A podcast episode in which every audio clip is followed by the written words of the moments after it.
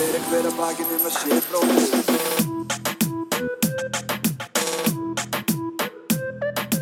Fyrir hver að bakinn um að sé bróðir eigi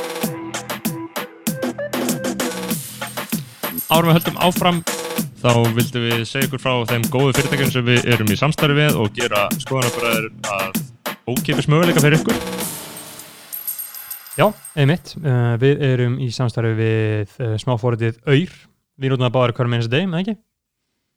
Jú, til þess að senda peninga á milli fólks, hvort sem maður er að senda óvinnum sínum eða vinum peninga, þá getur maður að nota þetta í allt hugsanlegt. Einmitt, og skoðanabræður eiga sér langa sögu með Öyr, en við, þú veist, hvað, snorrið, þetta er eitthvað í hug sem að fólk getur notað Öyr í, eða þetta er eitthvað í huga? Já, þetta er mér eitthvað í hug. Já, þarftu að splitta í kynlífstæki með kærusniðinni að því að sambandi ykkar er að tegja.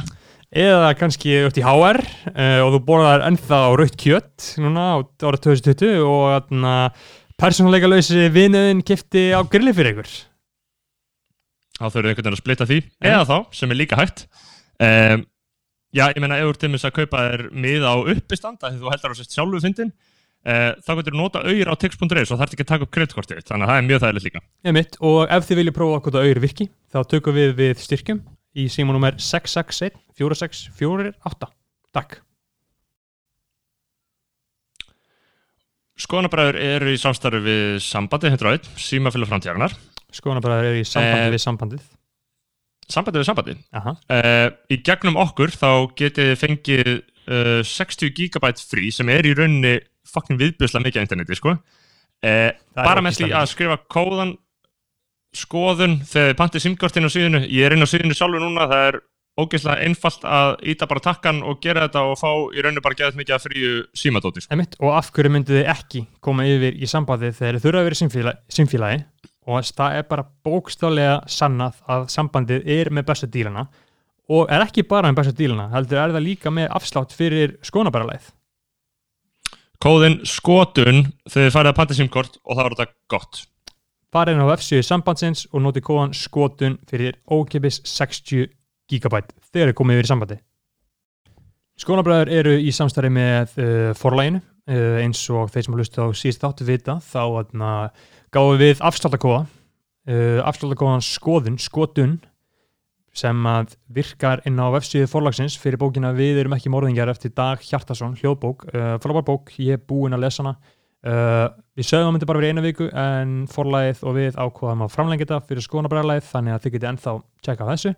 En síðan er þetta að nota forlagið í margt annað, uh, bjóða upp á alls konar Mhm. þjónustu. Hvað snorrið, notar þú eitthvað? Það er alltaf bara ímislegt að frétta í þessu. Þetta er stærsta bókaforla á Íslandi, uh, gefur út allar helstu bækur hver jól. Maður getur fengið þetta alltaf forlagi.is á rafbók sem er náttúrulega geggjað dæmi. Ekki síst til þess bara ef maður býr í útlætum, ef maður er að ferðast með mikið bókum. Kindle Uh, og, ég er las getur bara fyrir Kindle og iPadina ekki? Kindle, iPad, iPhone, þú getur lesa bara á iPhone-in á meðan þú kúka. Uh, og svo, sorry, Þarna, og svo getur þú veist, ég meina ég las Berg Ebba, uh, nýju bókina á Kindle, það er hægt að lesa allt hugsanlegt og allt frábært og svo getur þú getur haldið áfram að fylgjast með íslensku samfélagi. Einmitt, ég kefti mér gamlar Haldur Lagsnes bækur hana, bara því að það er einfalt og þægilegt og skilvirt og hendugt. Ég mæli með að að að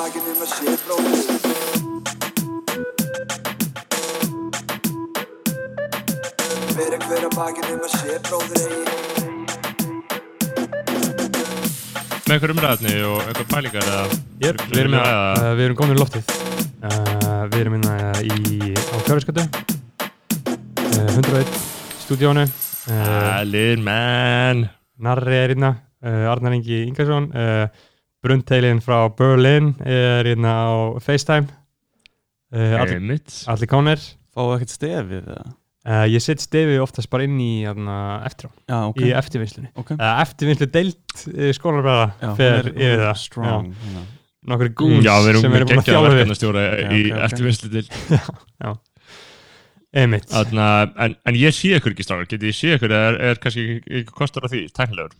Sko, uh, uh, Ég þarf ekki að sjá okkur báða, kannski nóg að sjá narra eða Já. eða kannski verða að sjá narra á ég að henda mér hérna á kantinn eða? Þannig að, Eh, Já, nei, nei, ég, meni, ég held að við séum góðu svona sko. Nei, nei, við erum bara góður, það þarf ekki að sjá okkur. Við sjáum, við sjáum þetta ógeðislega ljóta andlit þitt. Ok, þannig að þið sjáum mig, það er eitthvað. Já, Já, við sjáum þig En bara nuevo episodio de Aha. skoðanabræður uh, Los hermanos de Þarna- opiniones. Los Pollos Hermanos. Já, við erum mættir. Uh, uh, Reykjavík að hlusta. Egil stær að hlusta. Hærtanlega velkomin, kæru hlustendur. Þarna í þennan annan þátt af annari serju sem er í rauninni samt bara framhald af fyrsta serju að því við greindum þetta ekki að markast deildin okkar. Maður þetta svo að, að, Mhm. að þetta væri bara best svona. Það skiptir ekki máli og við erum komin hérna með mann í, í hljóðver Mhm. Arnar Inga Ingason hann er þættinum að einhverju marki góðu kunnur eða svona að því marki sem við höfum rætt hann vegna þess að hann er höfundur stefsins Mhm. eh, allavega hann að sko hann blandaði þetta frá frá þarna jarlinum einhvern veginn sko eh, hann gerði stefið og, og svo höfum við verið óvægnir við Arnar í gegn tíðina. Við höfum yðurlega vísa til hans sem einhvers mann sem hefur sérstakka tengingu eða einhvers, einhvers svona sérstakt yfirbræð þess að vera skeggjaður. Þið hafið, þið hafið bara svona alveg lagt ykkur alla fram við að setja vannveringu á nafn, nafn mitt sko, Já, við höfum, við höfum ekki endilega verið vandir að viðing okkar. Nei, nei, þú kom til sögun okkur sem. Já. Og ég hef þurft að að Eh, skamma ykkur sko. Já, já, Þú veist, bara eftir þætti sko. En, en allt, í, allt í góðu sko. Þú ég já. gengið svo langt um þetta að, að tala sérstaklega við okkur og segja að þetta er kannski of langt gengið okkur. Hinga ekki lengra. En þú hefur náttúrulega líka, Um, uh, þú hefur líka aðstofað uh, teknindeldina á til. Jú, ég hef svona verið með uh, yfir um sjón með henni Einmitt, sko þú hefur svona komið inn og svona bent á hitt og þetta. Já, tæknilegt, já. Þú hefur náttúrulega hljómaður Ég er það ekki, Nei, en já. ég vinn í Já. hljóði kannski. Já, einmitt. Orðað þannig. Já, þú hefur tekið þær ímisverkefni Já, uh, með hljóðinu Já, Fórst ekki, varst ekki í þarna Sýrlandi í hljóttæknin á mig? Nei, ég gerði það nú ekki. Nei, Ég hef nú kannski er gott að því samt sko. Já, það ekki, Já, já. Er, er það ekki pælinga? Það er Mér fínt finnst þess nám að allir sé að gera það. Já, gott nám. Einmitt, Móri gerir það. Móri, gerir- bara rappar Móri. Maður rappari Móri, hann hann, gerir lag sem heitir Hljóðtæknir. Já, alveg rétt Var það Eh, prí eða post-sópur Þannig að Það var sko, þetta var í diskunum Rimna mín 2002, það var ok. áður en að na, 2003 platan hans kom út en þá segir hann að eitthvað, nei mamma sorry að ég vildi ekki vera læknir eina sem ég vildi var að vera hljóðtæknir Það er frekar hann gott segir Já. þetta bara hljóðtæknir eins og bara ræstitæknir bara. Já, bara hljóðtækni, bara Já, mixa, ok. skilur og síðan segir hann líka eitthvað þú vildir alltaf að ég myndi vil, þú vildir alltaf að ég myndi verða smiður, hef ekki áhuga mamma því miður Þetta er svona háleiti draumar móður hans að vilja að vera smiður en hann hefur ekki áhugað því miður. Þetta er svona dislag, þetta er svona dislag í M&M stíl á mömmus pappa sko, ég held að hann búið hjá ömmu sinni. Emmitt Ég heiti mitt Herðu, Eminem gátt plötu í, í síðstöku Já, allir á allir, allir búin að taka hann inn. Já. Nei, ég myndi aldrei hlusta að minna um blödu árið Nei, 2019 bara- Lóta þessi king, sko. Síðan, eh, sko, það var eitt eitthvað ógeðslega vond sko, það er eitthvað Er það ekki á coverinu að- að- það sem hann er með svona hendur í Jú. vasa? you, og hann er með fokkjuputta í vasanum. Hann er svo sko. Já, og hann er með exi og bissi á coverinu. Já, já, þetta er alveg En, en tal, Ó. talandi um það að búið á ömmu sinni. Ég hitti Siffa G í afmæli um daginn. Og hann sagði svo gott sem við sittum svo vel í mér þegar vorum að tala um bara svona íslenska trappar skilur og veist, það er alltaf alvöru gangstirarnir sem að búa heim á ömmu sinni. Já, þú bara veist Það að er einhver alveg rétt sko. þú veist að einhver sem að býr heim á ömmu sinni hann er í trappinu þú veist, sko. ertu þá ekki bara með eitthvað alveglega úrlingaveiki eða bara getur ekki búið heima með mamma og pappa en samt einhvern veginn að ég flytt bara til ömmu eitthvað Þetta eru nokkur tilvik Þetta eru nokkur tilvik sem geta leitt til þess að þú búir hjá veist, það er brútal úlingaveiki Það eru hræðilega aðstæður Mhm, Já, uh, heima ok, fyrir já, skilur reyndar. mhm. Ímislegt sem getur leitt til þess sko Þú verður að taka tillit til þeirra allra Arnar Já, ég verð að Já. gera það það. mm, En eins og ég segi Arnar, Arnar Ég er bara mjög galaður að fá þig í þáttin Það er gaman að Arnar, Mhm. Gaman að uh, fá svona svolítið breytt í umræðefnum ég meina þú ert uh, úr allt öðru umhverjum við ég meina, að uh, vissulega jú tvítur íslenskur kallmaður einmitt.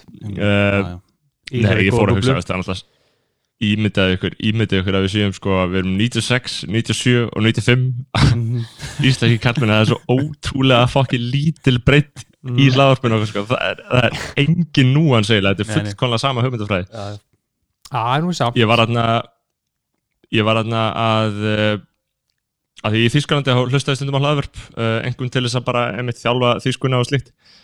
Uh, og ég hlusta bara á kalla þú veist, og ég fattaði það eitthvað sem daginn. Þetta voru bara, þetta voru bara kannski, kannski fjögur hlaðverp sem voru allt bara tveir kallar hvítir þríndusaldri Já, og maður er svona eitthvað, ok, þetta er náttúrulega ekki eitthvað að ég verði að fara að breyta því, ég bara með langar að heyra aðeins einhver aðra rödd, skilur um, og ég fór að hlusta á svona hlaðvarp sem eru tvær gælur Mhm. um, og það byrjaði vel en síðan bara fóru 40 minnir hættunum í að tala um að fóru að tala um, þú veist eitthvað svona semi-áreiti sem ein, ein þeirra öðnur þeirra hafi orðið fyrir í einhverjum svona partí, þetta var svona frekar lítilvægilegt það segi ég en Nei, ég er ekki að segja það en veist, þetta var svona einhvern veginn það var ekkert eitthvað alveg krassandi ofbeldi skilur þetta voru það bara, veist, það fór ógislega mikið, mikið púður í þetta og ég hugsaði, já, ok, algjörlega. Þarna, ja, þú veist um, ræðum þetta og tölum þetta en þetta var, þetta var, þú veist, þetta var svo ógislega, þú veist, ég fattaði þetta, ég er svo ógislega fokkin umulega einhvern veginn litla samúð og sympatíu með öðru fólki en því sem er að pæla í því sem ég er að pæla og ég hlustaði svona áfram og nú er ég búin að hlusta fleiri þætti og þetta var alls ekki, þú veist, og hlaðvarpið er um allt annað shit en bara það var bara, það vildi, svo til að fyrsti þátturinn enda á að vera bara að bara um þetta sko Einmitt. ekki til þess fallin að hvetja mig áfram í þessu þó maður alltaf ætti að hlusta á, á alls konar sögur úr öllum áttum sko Einmitt. Já, en ég meina, ég er bara að segja, skilur, maður hefur svo, þú veist, ógeðslega litla samúð, sko, uh, með öllu öðru en því sem er í eigin líf, manns eigin líf og þess vegna, sko, hlusta maður einmitt bara á menn sem eru eins og maður sjálfur, sko. Einmitt, hvað, þú Eh. veist á A- AFD podcastin eða? Nei, já, ég, allir, allir alvöru fjölmjöla menn á Ísl- nei, í Þýskalandi nuðast á því hvað AFD er slemt, sko. Já, Uh, það er, nei, já, einmitt, já, einmitt, já, Það það er er hérna já, Alternative einmitt, for Deutschland, það er svona öfgahæri flokkur sem er uh, komið rosalega mikið fylgið í Þýskalandi, sko. Við erum að tala um 30% á okkur stöðum, sko. Það var rasista flokkur, sko. Já, já, um, en um, nei, akkurat, en sko, það sem ég ætla að segja líka er að þetta tengir svolítið umræðefni sko, þessi, sa- þetta samúðaleysi sem við höfum ég hef, ég er náttúrulega bara að tala fyrir sjálf mig sko, eða svona, og skilningsleysi á, á reynsluheimi hvenna að einhverju marki sko. Um, þannig að þessi, leikskólamál sem einhver var að tala um einu skoðanabræðleginu já, já. Uh, núna er það svoleiðis að við, við náttúrulega tökum inn umræðefni uh, í gegnum uh, Facebook-hópa einhver leiti og fólk getur komið upp á stungur að því hva, hvað við eigum að ræða. Mm uh, auðvitað verða þær upp á stungur mjög misskemmtilegar sko. Og mis svona ein, einhvern veginn tæklanlegar sko. Einmitt. en Bæðin er um að ræða þetta leikskólamál. já, og getur útskýrt þetta leikskólmál fyrir okkur hérna Já, sko, Já, Snorri, ég sko, bað þú þig um að lesa frétt um þetta, af því að ég ákvað að gera það ekki. á, auðvitað Uh, Nei, nei, sko, málið er að áður, en- áður en að, hún Hilma Rós kommentaði þetta inn, þá hafði ég séð eitthvað svona smá um þetta Mhm. eh, og ég vissi bara að það á að sko í rauninni takmarka með svona ströngum reglum einhvað takmark á því hver lang, langur einn leikskóladagur getur verið fyrir barn eða eitthvað svoleiðis Mm. eh, sem þýðir að hann megi kannski bara verið barnið megi kannski bara verið í 8 tíma og núna hljómar þetta einhvern veginn þannig að núna verði ekkert barn lengur en til 16.30 Mhm. er þessi reglugerð sem sagt uh, frístundaráð uh, hefur lagt fram nær í gegn ok, og þa það er það er málið, það er verið að rauninu takmarka þetta við þannig að allir verið fatnir heim klúðan 16.30 að það mér skilst En Eh, hver að fara krakka vanalega heim? 6, eh, 7? flesti fara heim fyrir 16.30 sko. Já. Hvernig? já, þú veist, það eru ég held að séu sumir 5.000 einhverja börn á sem eru bara, þú veist, trappinu. 7, 8 Já. bara, já. Já, en ég meina, þú veist, það er ekkert ball ég held að sé ekkert ball lengur en til fimm á leikskóla, sko. Þú veist, það er þarna, þá, er, þá byrjar eitthvað annað, eitthvað sérstætt eitthvað svona daycare Já, já, já. dæmi, sko. Mhm. En bara sjálfur leikskólinn er bara til svona 16.30 eða 16.45 eða 16, 17, skilur við Mhm. og lang flesti fara miklu fyrir heim en það er, þú veist, af 5.000 leikskólakrökkum í Reykjavík, þá held ég að eitthvað svona 400 eða 500 þurfi að nýti sér hennar kost að vera lengur til 16.30 og með því að náttúrulega afnema þetta náttúrulega trafka svolítið á þessu fólki það er greinilega fucking þarf að hafa börnin sem svona lengi það er að fucking vinna svona lengi skilur uh, og svo bara myndast deilur og uh, félag leikskólakennara náttúrulega er með þessum breytingum að þetta bara einfallega mingar álæðið um, aðrir hópar eins og til það sem Sólei Tómasdóttir er uh, okkar uh, Ég veit, hún er svolítið að tala um gegn þessu. Já, af hverju? uh, af hverju, bara því að þetta þú veist, leikskólan eiga að vera jöfnunatæki finnst feministum sem líta svo á skilur, þú veist, þetta á að vera tæki sem tryggir það að allir geti unnið, þú þurfur, ekki að um, fórna ferlininum fyrir barnið þitt, auðvitað gerir það alltaf sama hvert þú, uh, þú veist sama, sama þarna, hvaða innviðir eru fyrir hendi, en, en það er hægt að lámarka, já, svo að segja skadan af því með, um eitt svona, með þeim svona góðum jöfnunatækjum eins og leikskólan. Þannig að, take skoðanabræða er að þetta sé ekki æskilegt. Eh, við þurfum að fara aðra leiði til þess að eh, halda leikskólum gangandi einfalda spýtin meira fjármanni, hvað veit ég. Um, og ekki stitta tíman og ekki stitta tímamörkin sem börn geta verið á leikskólunum af því að það eru svona, þú veist, það eru svona að taka svona, grafa svolítið undan tækinu sem leikskólanir eru smátt og smátt til að verður ekki neitt sko, þú veist, það er svona, maður mætti ætla að veðfærin myndi leiða þangar á endan. Sko, ég sá þetta innlegg hana í Mm. Facebook-hópin skoðanabræðarlæðið sem allir ætti að Mm. ganga í. Uh, og ég var eitthvað svona á ég að vera með eitthvað að teika á þetta? Nei, og, og svo var ég eitthvað svona af hverju í anskotunum á ég að hafa skoðun á þessu? Já. það bara gerir engum gagn, Nei. skilur að ég á ekki bara, ég vinn ekki á leikskóla. Mhm. þú veist það gagnast engum Nei, að ég sé eitthvað að hafa einhverja skoðun á þessu. Ekki- skil, eða skilur mig? Alls ekki Ég er mjög ónæmur á eitthvað svona barnadótt sko, af því að ég á ekki börn já, Og- já, mér er bara einhvern veginn, ég er bara mjög fjarlæður þessu, ég skil þetta ekki. Tjá mig ekki um þetta. það er það sem ég er að segja, sko, heimurinn okkar þetta, er, þetta var hluti af því sem ég var að segja á þannig með áreitninsöguna sem ég vona að láta ekki koma út þess að fá þetta ég fæði örgulega kvíða þegar ég fyrir, svo, fyrir svo út af þessu kvöld. Þannig að með, með þarna, áreiti í þættinu minni, ég tek því mjög alvarlega og það er ekki í lagi en nei, þú veist við höfum, við höfum ekkert skinnbráð þetta við höfum ekkert að velta fyrir okkur hvernig einhverjum barnafjölskyldum líður sko. alls ekki Nei, nei. um, Það er svo þú veist og, og þess vegna ætlum að ég þetta er heldur ekki aðgerð verið að sem- taka ákvarðanir fyrir það skilur. Nei, einmitt nei, nei, fyrir það fólk skilur. en við getum sagt engu síður tekið áhrif á afstöð og sagt leikskólar eiga að vera aðgengilegir fyrir alla um, Já, það er þess mér að pæla Hva, hver, hvað græðir fólk á því að eitthvað að við hérna 20-ish ára gaurar taki einhver afstöðu gafur þessu? Mm, já, ég skil það, það er mjög góð punktur. Um, ég, veist, samfélagið í dag snýst bara um þessa veislu. Menn eru bara að taka afstöðu í, í alls konar málum sem koma þér ekkert við. skilur, bara Mhm. hvað Já, ok. Um, og, og það er ekki jákvætt endilega sko. Nei, minnst það, já, já. Nei, nei, það er alls ekki hjá en svo er en svo er þarna Hildur Björnsdóttir sjálfstæðiskona, hún hefur farið að farið svolítið mikinn í þessu máli af því að hún er núna að láta eins og henni sé amt um fólk en sé ekki í sjálfstæðarflokknum mm uh, hún, er, Eh. sko, hún er alltaf með eitthvað Instagram story Er það ekki? Ég veit það ekki Hún hún er, er svona emoji sjálfstæðismæður sko. einmitt að, að menta fólk um að, borgamál er, það- er það nýtt í hérna, stjórnmálskóla heimtallar að vera eitthvað með emojis bara á Gaur, Lási, þetta er eða? það versta Já. það allra versta sem við veitum eitthvað, eitthvað Hvað bara að stjórnmál með noti emojis það er ekki nógu virðulegt eða?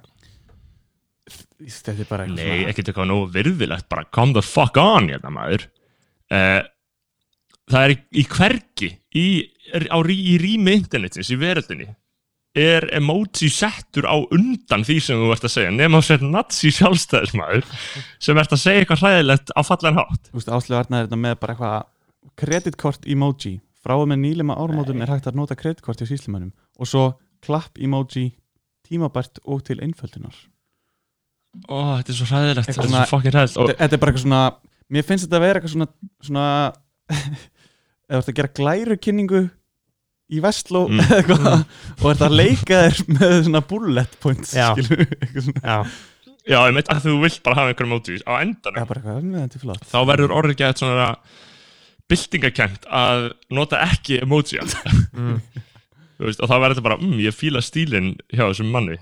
En sko þessi emojis eru fucking hræðilegir maður Ói, gauður, ef þú fyrir að Twitter í áslega ördi það verður allt svona, að þetta er svo ógislegt að það Vá, hvað verður að stoppa þetta maður? Já, þetta er ekki gott. Þetta er ekki gott. Þetta er ekki gott fyrir neitt Áslu Arna eftir að hlusta. Bara Bara, hætti þessu. Du, já. Ef hún er að hlusta þá mun hún auka þetta allir mun. Sko, já,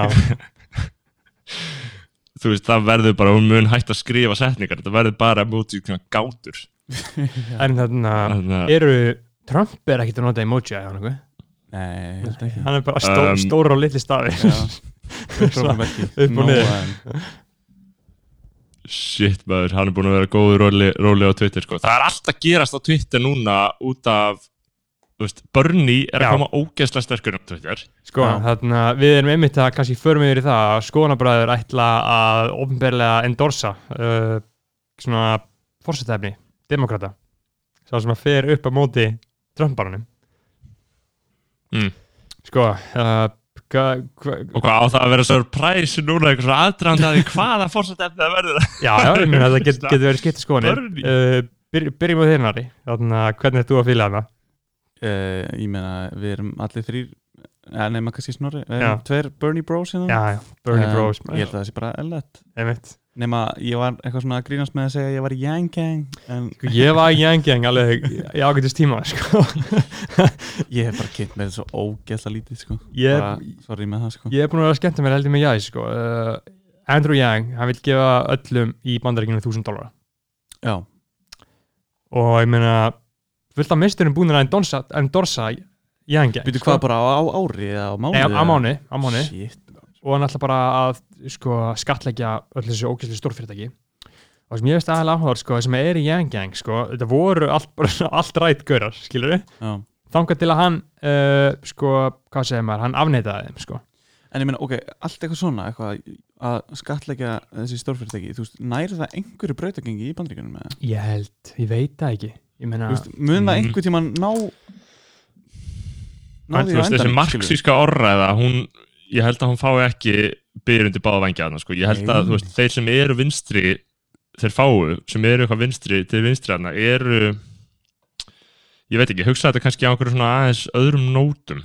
Tala ég, segi ég með raskarnu ég er búin að, búin að opna raskati og setja mækin inn í það. Og þarna og, en ég meina þú veist ég get ekki, þú veist eins og segir Beggi þú vilt að maður endorsa eitthvað ákveðin vegna stöðuminnar innan norðurvíðis, þá finnst mér mjög leiðilegt að vera eitthvað já. Að taka afstöð að, að taka afstöðu með einhverjum einum frambjónda, ég get bara sagt að ég vil um, sjá bara uh, áfram þessa leið í raun og veru Einmitt. þú ekki bara tím Dorrit Já, ég er kannski svolítið með Dorrit í þessu sko. Já, Það var náttúrulega gerðist í vikunni. Emitt við erum að ræða það uh, Hún years droppaði mynda sér með Melanie, eða ekki? nei, í von- í von- Í vöngu dótt- Já, í vangu, í ég. dóttir Já. Trumps sem Já. að Trump sagði að ef hún var ekki dóttir minn þá væri til að deyta og Dorrit uh, droppaði mynda sér með henni hún droppaði líka mynda sér eða ekki mynda sér með, en hún droppaði líka mynd af þínu mannesnari uh, blaðanónum Boris þegar, þegar Já, Boris var sko. hún er í símaskránni hjá Boris. Það var að koma, koma frá, að hún var einhver í símaskrá hjá Boris. Mér finnst bara svo að finna að fólk sé eitthvað ógeðslega hissa á þessu bara eitthvað, Já. há, Dor Dorrit hérna, droppaði nú aldeilis í á, áliti hjá mér núna við þessa mynd bara við, við hverju varst að búast? Hún er ísraelsk úr einhverju demantafjölskyldu. Já. bara, veit. hún var í jæna, Og hún klónaði hundin sín hún var í Samson Ep Epstein skjölunum líka. Hún er með svona Já, nei, hún var í þeirri símaskrá. Já, já, Þar já, var já, já, já, hún var í Ep Epstein manninum sem að supposedly dó í fangakleðanum mm, Já, hann lést af uh, Það var ekki til með sagnæmum hætti Berður. Nei. Hann framdi sjálfsvík já, hann til sjálfsmál og myndaði er hann bara akkurat bíluð þegar hann gerði það. Sá enginn. Óheppilegt voru þeir ekki líka í kaffipási eða eitthvað verðarnir og... jú, jú, jú, jú, jú. sást ekki þegar að verðinni frömdu líka já.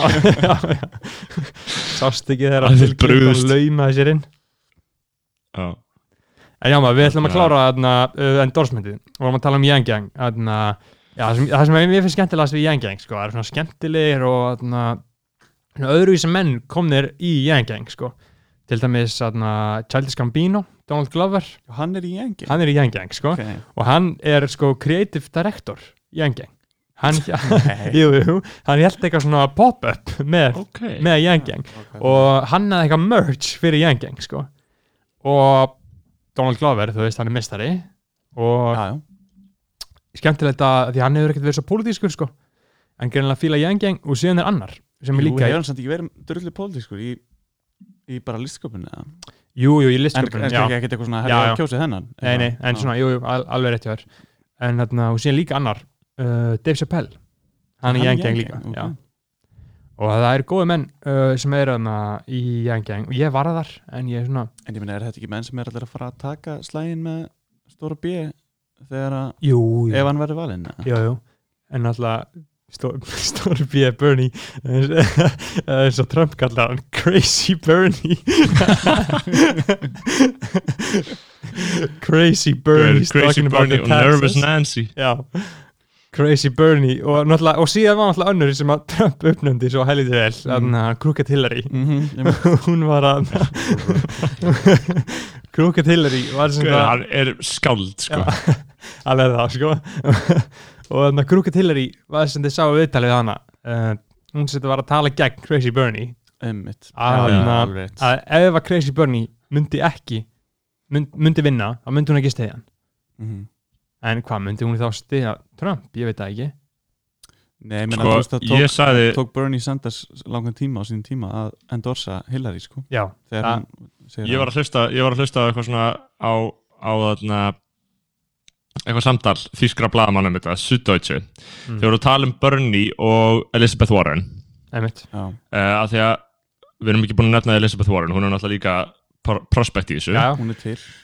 Mm, hún aðna, að því að Bernie sagði á einhverjum tímapunkti minn, veist, núna hef ég þetta náttúrulega bara eftir einhverjum, einhverjum loftinu, ég man ekki alveg einhverjum hann- King hvernig hann sagði, nei. Veist, hann sagði á einhverjum tímapunkti að ef einhver ætti að vinna Trump þá yrði það ekki kona en einhver, einhver svo já, nei, nei, nei, nei, nei, þetta var sem sagt sko, þetta var enga samtal milli Bernie og Warren í gömlu Mhm. kostningunum Já, í gömlu Já. kostningunum og þá segir Warren Mm. að, Crazy Bernie hafi sagt við hana að kona gæti aldrei orðið fórseti bara í enga samtali mm, og hún þess að droppa þessari bombu fyrir kannski svona viku eða eitthvað, rétt fyrir Já, kameræðnar og Bernie bara neytar þessu, skilur af því að hann segist bara aldrei hafa sagt þetta. Og síðan þessu allt, þegar þeir koma gegn Crazy Bernie, þá er alltaf til myndband af hannum frá þú veist 1970 af því Gaurin er bara búin að spila hennar leik mjög lengi, að bara leng, en ekki bara longest serving jú ég held það. bandaríkjum í öldungadeildinni Jú. og, þarna, og þá er bara myndband til að honum að segja bara, jú, auðvitað getur konu verið Já, já, það var til myndband af hann að vera að segja allt, sko. Og að því að sko, auðvitað, ég meina maður segir alls konar, maður breytir um skoðun og whatever. Mm, um, en það sem ég var bara svo áhugast við sko, hvernig var rætt um þessa, þessi ummæli sem engi veit hvort skilur, þau eru ekki til upptöku skilur, hún segir bara hann hafi sagt það. Um, en þú veist, þá ræða allir fjölmæla með núna þetta gerist svo sem líka í þarna, morgunútvarpinu eða hverju sem er. Það er alltaf rætt um, um ummælin þú veist, já, þetta er mjög óheppilegt ef hann sagði þetta, já, þú veist, þetta er um, uh, þetta getur breytt stöðu hans uh, þetta er mjög óheflegt skilur það tekur engin afstöðu til þess hvort þessu slæm. Það eru bara allir sammála um þessu óhefileg það er allir drullu saman þótt að hann hafi sagt þetta. Það eru bara allir að segja þessu óhefilegt mm, síðan Eh, er svo mikið og fucking mér finnst þetta Já, halda áfram, sorry. Nei, ég segi, mér finnst þetta bara svona markus um að, um að við fjölmjölamenn við sympatíserum rosalega mikið með valdabaráttunni, við erum ekki alltaf að pæla í hvað er gott og hvað er slæmt sko. Nei, nei. En, en auðvitað, auðvitað pælum við líka í hvað er gott og hvað er slæmt og, og við viljum að við viljum, ég, ég er börn í bró, sko, ég, ég vil sjá börn í taka þetta sko. mm. já, uh, já þannig skoðan, skoðanabræður uh, ofnberilega hérna uh, stiðja Crazy Bernie Stóra B já, og náttúrulega hæ, þú veist, hann er að fara að vinna af því að, það? Já, ég held að, að því að Hérna, Nei, þú veist. Litli B Nei, nei, nei, nei hann, hann er að fara að vinna demokratana hann er ekki að fara að vinna Trumparan, sko. Já, en, en Bernie er að fara að vinna demokratana, En skilur er Biden drullan ekki að taka þetta? Biden drauga helviti maður, ég bara vona ekki. Þú er líka svona moderates svona Mm. Fucking gaur sem að segir ekki neitt og er bara, þú veist óspennandi, leiðilegur ósjarmerandi, síðan líka pervert. Já, já, það er fullt af einhverju sögum á hann að hvernig þetta hvernig impeachmenti fer sko. Einmitt. Já, það- síðan, síðan er það sko. Það gæti einmitt hérna það gæti vakið jafnvel einhver samúð með bandarísku þjóðinni sko, já, gagvar Trump sko. Eitthvað svona, Já, æskilur mig? Sko, ef Trump, hann er síknaður þá er það ekki gott sko. Nei, að því að það er svo gott dæmi í gangi núna með þarna uh, John Bolton gaurinn, Já. hvað hva, hva var til staðanas en þú veist, hann var bara vinu Trumps. Já. og Trump var að segja uh, hvað sagði Trump? Að hann er svona, æ, við skulum nú ekkit fara að tala um þetta impeachment, Nei, við skulum fara nei, nei, Nei. ekki við skulum ekkit fara í það, en ég, ég hlusta það alltaf á uh, Trevor Noah Daily Show mér, djöfull elskaði Trevor Noah. Hlustu þú það? Gauður, þú verður að hætta að hlusta á þetta liberal media maður. Nei, Trevor Noah er svo, Þarna- þetta er svo fucking gott dæmi, sko. Ég, þú veist, ég, ég hlusta ekki á podcast nema bara Dr. Fútball sko, og skoðanbræður sko Heru, það er gott að, gott að það kom fram. Hlusta, Þú hlustar á Dóttar fútbólarnar Herru, ég, ég er að ljúga þessu, just, ég hlusta á allan fjandan en ég hlusta Mhm. ekki á uh, pólitísk hlaðvörp eða, eða frétta hlaðvörp sko. Ég, ég er ekki þar sko.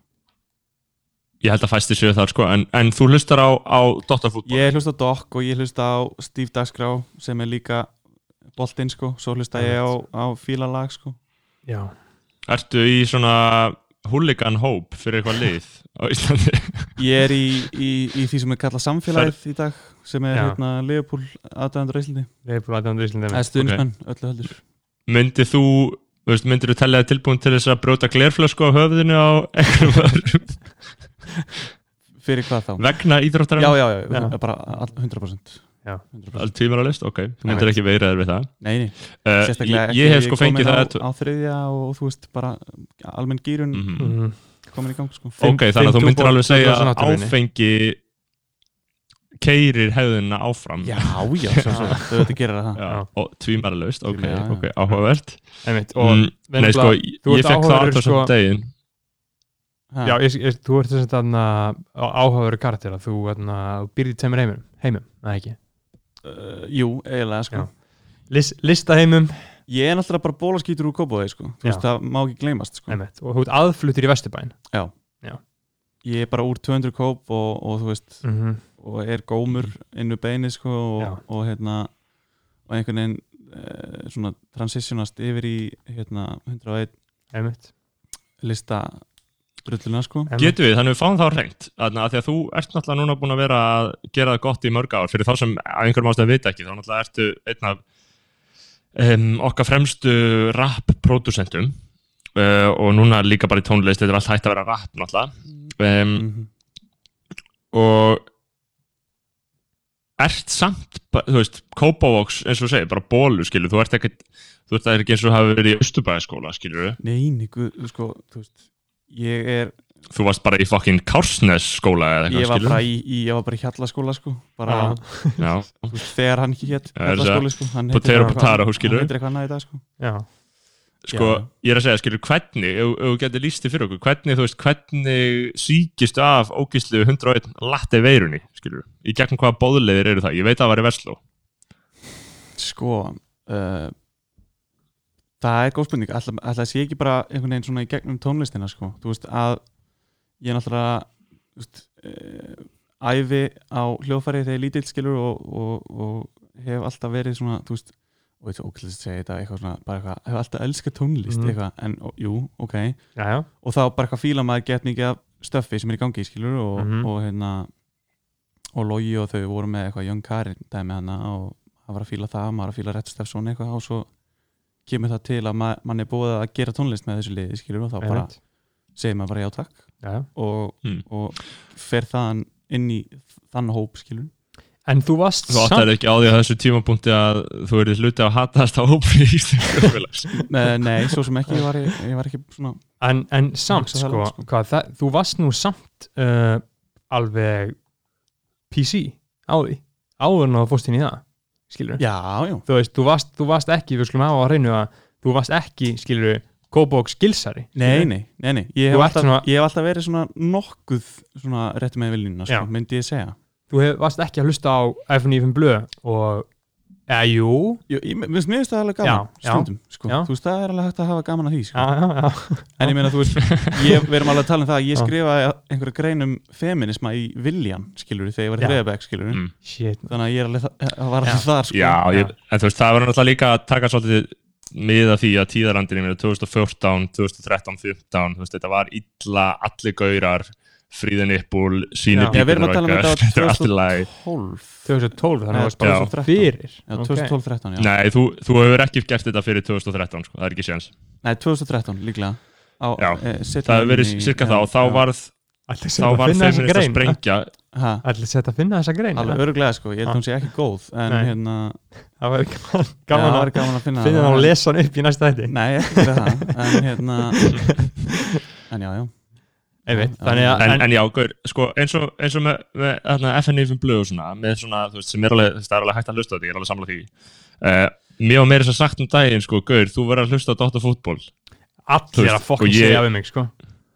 Allir. Og ég er eitthvað svona, gaur, ég bókstala þegar ég les íþróttasíðunar í blöðunum þá sé ég ekki hvað stendur, þetta er bara aukt fyrir mér, sko, En ég skal samt svona og segja ég skil þetta bara ekki. ég skal segja ykkur svona úr hvernig hérna, vinahópi ég kem skilur, úr, úr grunnskóla. Þetta, er- ok, ég var í hjallaskóla og síðan hérna að því að það var bara piece of shit kennsla í þeim skóla sem síðan endaði bara því að það voru tveir skóla saminaðir og, og áður en Mhm. það gerist þá fór ég þess að skipti yfir í lindaskóla að því að mamma var að kenna þar og Mhm. hérna allir vinnir mínir úr fótboltanum voru þar sko. Og ég var í þannig vinnahópi þar bara, þetta er allt mjög góði menn sko en ég var hérna veist, þetta var þannig að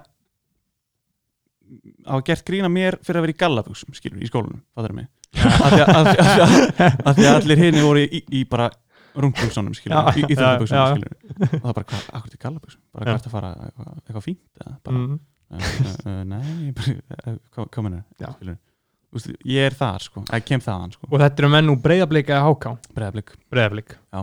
einmitt. Og þetta er, uh, sko kópáðurinn, hvað, hvað er postnúmerinn? Það er 200, Það er 200 og svo er 201 held ég hérna. Sala hverfið uh, og Linda hverfið held ég. Já, og svo 203 203 ég, ég held að sé ekki nei, meira en það sko. Birnir og þú eru úr 200 Já. Herra eru úr 203 Já. 203 já. Já, og, og og 201 er þarna 203 var náttúrulega ekki til fyrir bara þú veist fyrir 15 árum eða eitthvað skilur eða hvað, ég veit ekki, 20 árum. Einmitt. það er, og en, en, salakverfið það er aðeins lengra en smálendin uh, já, það er hérna þessum Sala lögin er, veistu hvað það er eða? nei, þú veist, keirir hérna þetta er á mi- á milli þú veist, uh, smára hverfisins það sem að smáralindin er og, einmitt. og, hérna Vassendans já þetta, og 203 er í Vassandarum Já. já, ok, ok. Og hérna uh, hörðu valla hérna, drullan. Já, einmitt. Það er svolítið gott að taka hverfin aðeins sko, af því að maður svona flokkar fólk náttúrulega eftir, eða þú veist ekki eitthvað svona flokka en maður svona bara, það, er, það, það segir alltaf eitthvað um mannesku bara hvað hann kemur og þetta er svona mikið umhverfi og maður náttúrulega bara elst bara upp í sínu hverfi. Mm um, munið þið ekki eftir því alltaf þegar voru allir þessi brandarar um hafnfyrringa ég hef ekki heyrt þannig Jú. í mörg ár en það voru alltaf brandarar um jú. um, bara svona plebba 80s brandarar bara eitthvað, umulett en sko, hvernig voru sem Em. þetta var þá svona litið niður á hampfyrringa já sko það er eitt sem er eitthvað svona þau voru tald, alltaf verið, djókið var alltaf að vera svo heimskir sko. já, já, eitthvað svona hvenar heldur hafnfyrringur á sólinn sér sest? Og þá uh, bara eitthvað, er hann búin að segja stól út af svalir eða eitthvað? Hvað var hérna af hverju tók eitthvað- haffæringurinn með sér stiga í búð? Af því að það var svo hátt verð eitthvað svona alveg Já. Það- bara hafnfyrringa verið heimskir og þetta er mjög fyndið. Þa, það er saga á baku af hverju þessi bröndir eru til sko, því að að, veist, og núna er ég aftur að tala svona hálfparti með rassinum, en ég er svona að reyna að vera svona snirtilur í stellingurum á meðan ég tala með rassinum.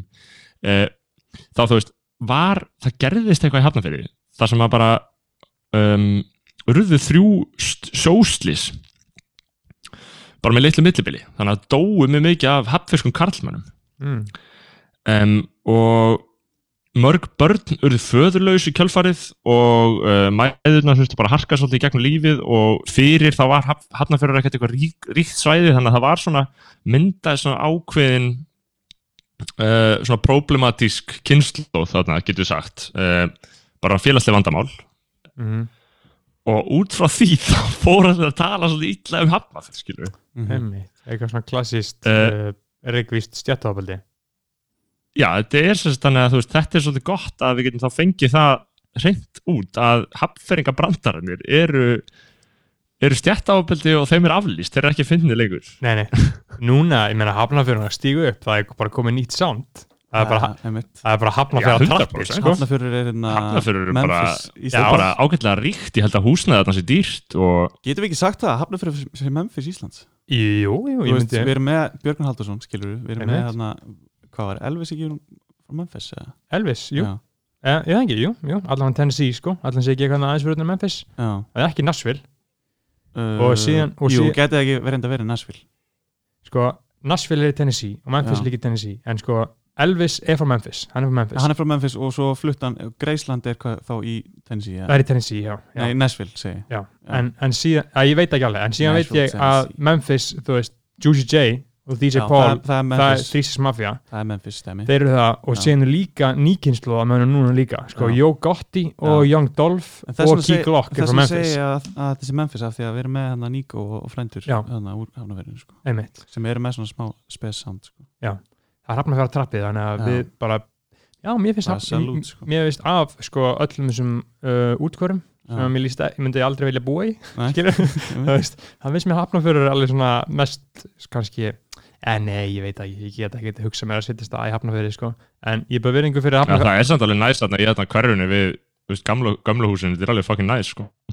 En hvað við að Eh. tala um að Vesturbærin sé þá í ykkur svona bandaríkja viðlingu sko, margir sem að koma úr Vesturbænum, þeir tengja mjög mikið við G-Funk, sko, og West Coast Já, rap, sko, já, ok. það er heil kynslu að görum aðeins eldri en ég, skilur, Já. sem voru bara, bara Dr. Dre G-Funkið, sko, af því að þú þú, þú heyrir svo fokk mikið Westside í lögunum, bara Já. Tupac, ECE, NWA, allt þetta dót, og hann er já, sem voru úr Vesturbænum aðeins eldri, þeir virkilega tengdu stert við það, sko, en síðan Já, líka, en þú veist, það er samt svona þú veist, Vesturbærin fór náttúrulega frá því að vera fucking fátækt eða þú veist, ekki fucking fátækt, en bara freka fátækt í að vera núna bara eitthvað svona snobbdjók skilur Já.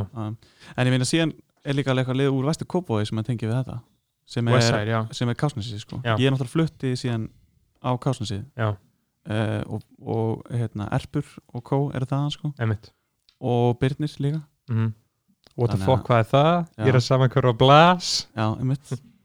Og ég meina, Mm. þú veist, það er alveg ok, það er eitthvað. Það já, er já, algjörlega, en þú veist, Það síðan, síðan, síðan er eitt svífirlegt sem að sumi gera, sko, þú veist, þá veit allir það, við byrjum virðingu fyrir gráðunum, skilur, ég myndi ekki vilja búa þar, en við byrjum mikla virðingu fyrir gráðunum, Já, það eru góði menn sem að koma þaðan, já, og það er G-Town, skilur, það er G-Town. Það er G-Town, síðan hefum að er vera að reyna að kalla Garðabæn já, já, G-Town, síðan hefum að vera að heyra það er einhverju ekki- garðbæingar. Nei, það síðan er reyna að kalla garðabæin G-Town. Það er fucking svífirlegt sko. Það er ekki, ekki bóði sko. nei, gráðurinn er G-Town. Það er cultural appropriation sko, Já, já. að vera að kalla Garðabæn G-Town sko. All, er, svo er, er það líka ákveðin vestur íslenska að vera að kalla bæði sem G-Town. Er, það er bara gott maður. G-Town. Já, ég peppa það, en grávorum færa það sko. Já, Já. já, allan- gráðurinn er bara ágæt- á- á- ágætis hverfi sko. Það er stærsta hverfi í Reykjavík ekki? Búið flestar. Og hvað erum við að tala um að það sé? Í sándi, skilur við? erum að tala um Í Chris, við erum að tala um Daniel Alvin, við erum að tala um Kanman, já, við erum að tala um Aron við Jan, erum að tala um hérna, Lil Binni. Stefan Karel, Stefán nei, hann úr hann, hann er á árbænum. Hann er árbænum, hann er á ok. árbænum, já Síðan er það náttúrulega Odd líka Þórða. Ótti Þóruða, Gráðurinn uh, Gráðurinn, þú veist í bandaríkinum, ég myndi setja kannski á bara fylli eða eitthvað, Já, getur verið eitthvað græmi shit sko. Já. Já. það er ekkert spes.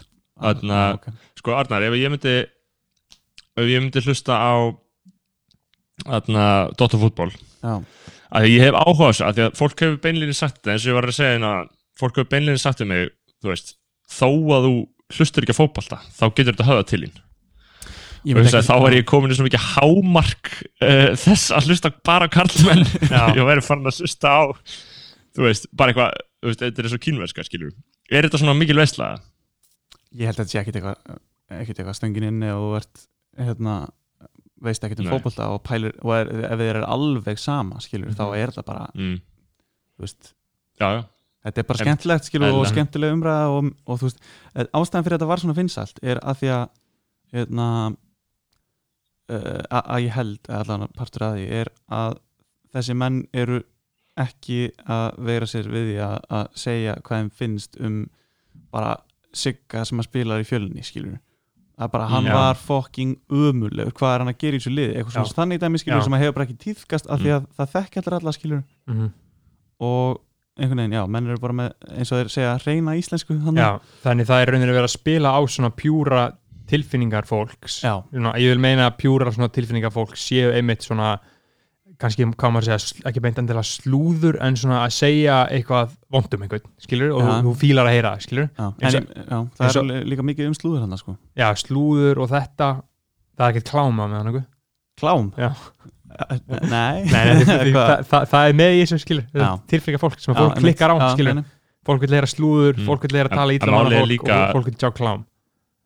Þetta er svo mikið svona endalus ringrás, þú veist, það sem að útvarp uh, verður eitthvað einlægara og og koma ykkur þættir sem verður frekar vinsælir af því þeir eru allt í hennu segja hlutina eins og þeir eru. Mm. um, og svo hætta þessi þættir með árunum alltaf að segja hlutina eins og þeir eru og þá koma nýji þættir sem segja hlutina eins og þeir eru sko. Þetta er svona einhvern veginn um, ringrás sko, en þú hlusta líka á skoðanabæðarnar Uh, já, ég hef gert það nokkur sinni er það? Hlustar á þetta drasl? Já, ég hef gert það sko. Ef, sko, svona yfirleitt ef mér, hef, ef mér finnst hérna, viðmælandin áhugaður sko. en, en annars finnst mér líka bara gaman að hlusta á ykkur tvo hérna, tala með raskatinu eins og það segir. Einmitt, með mækin.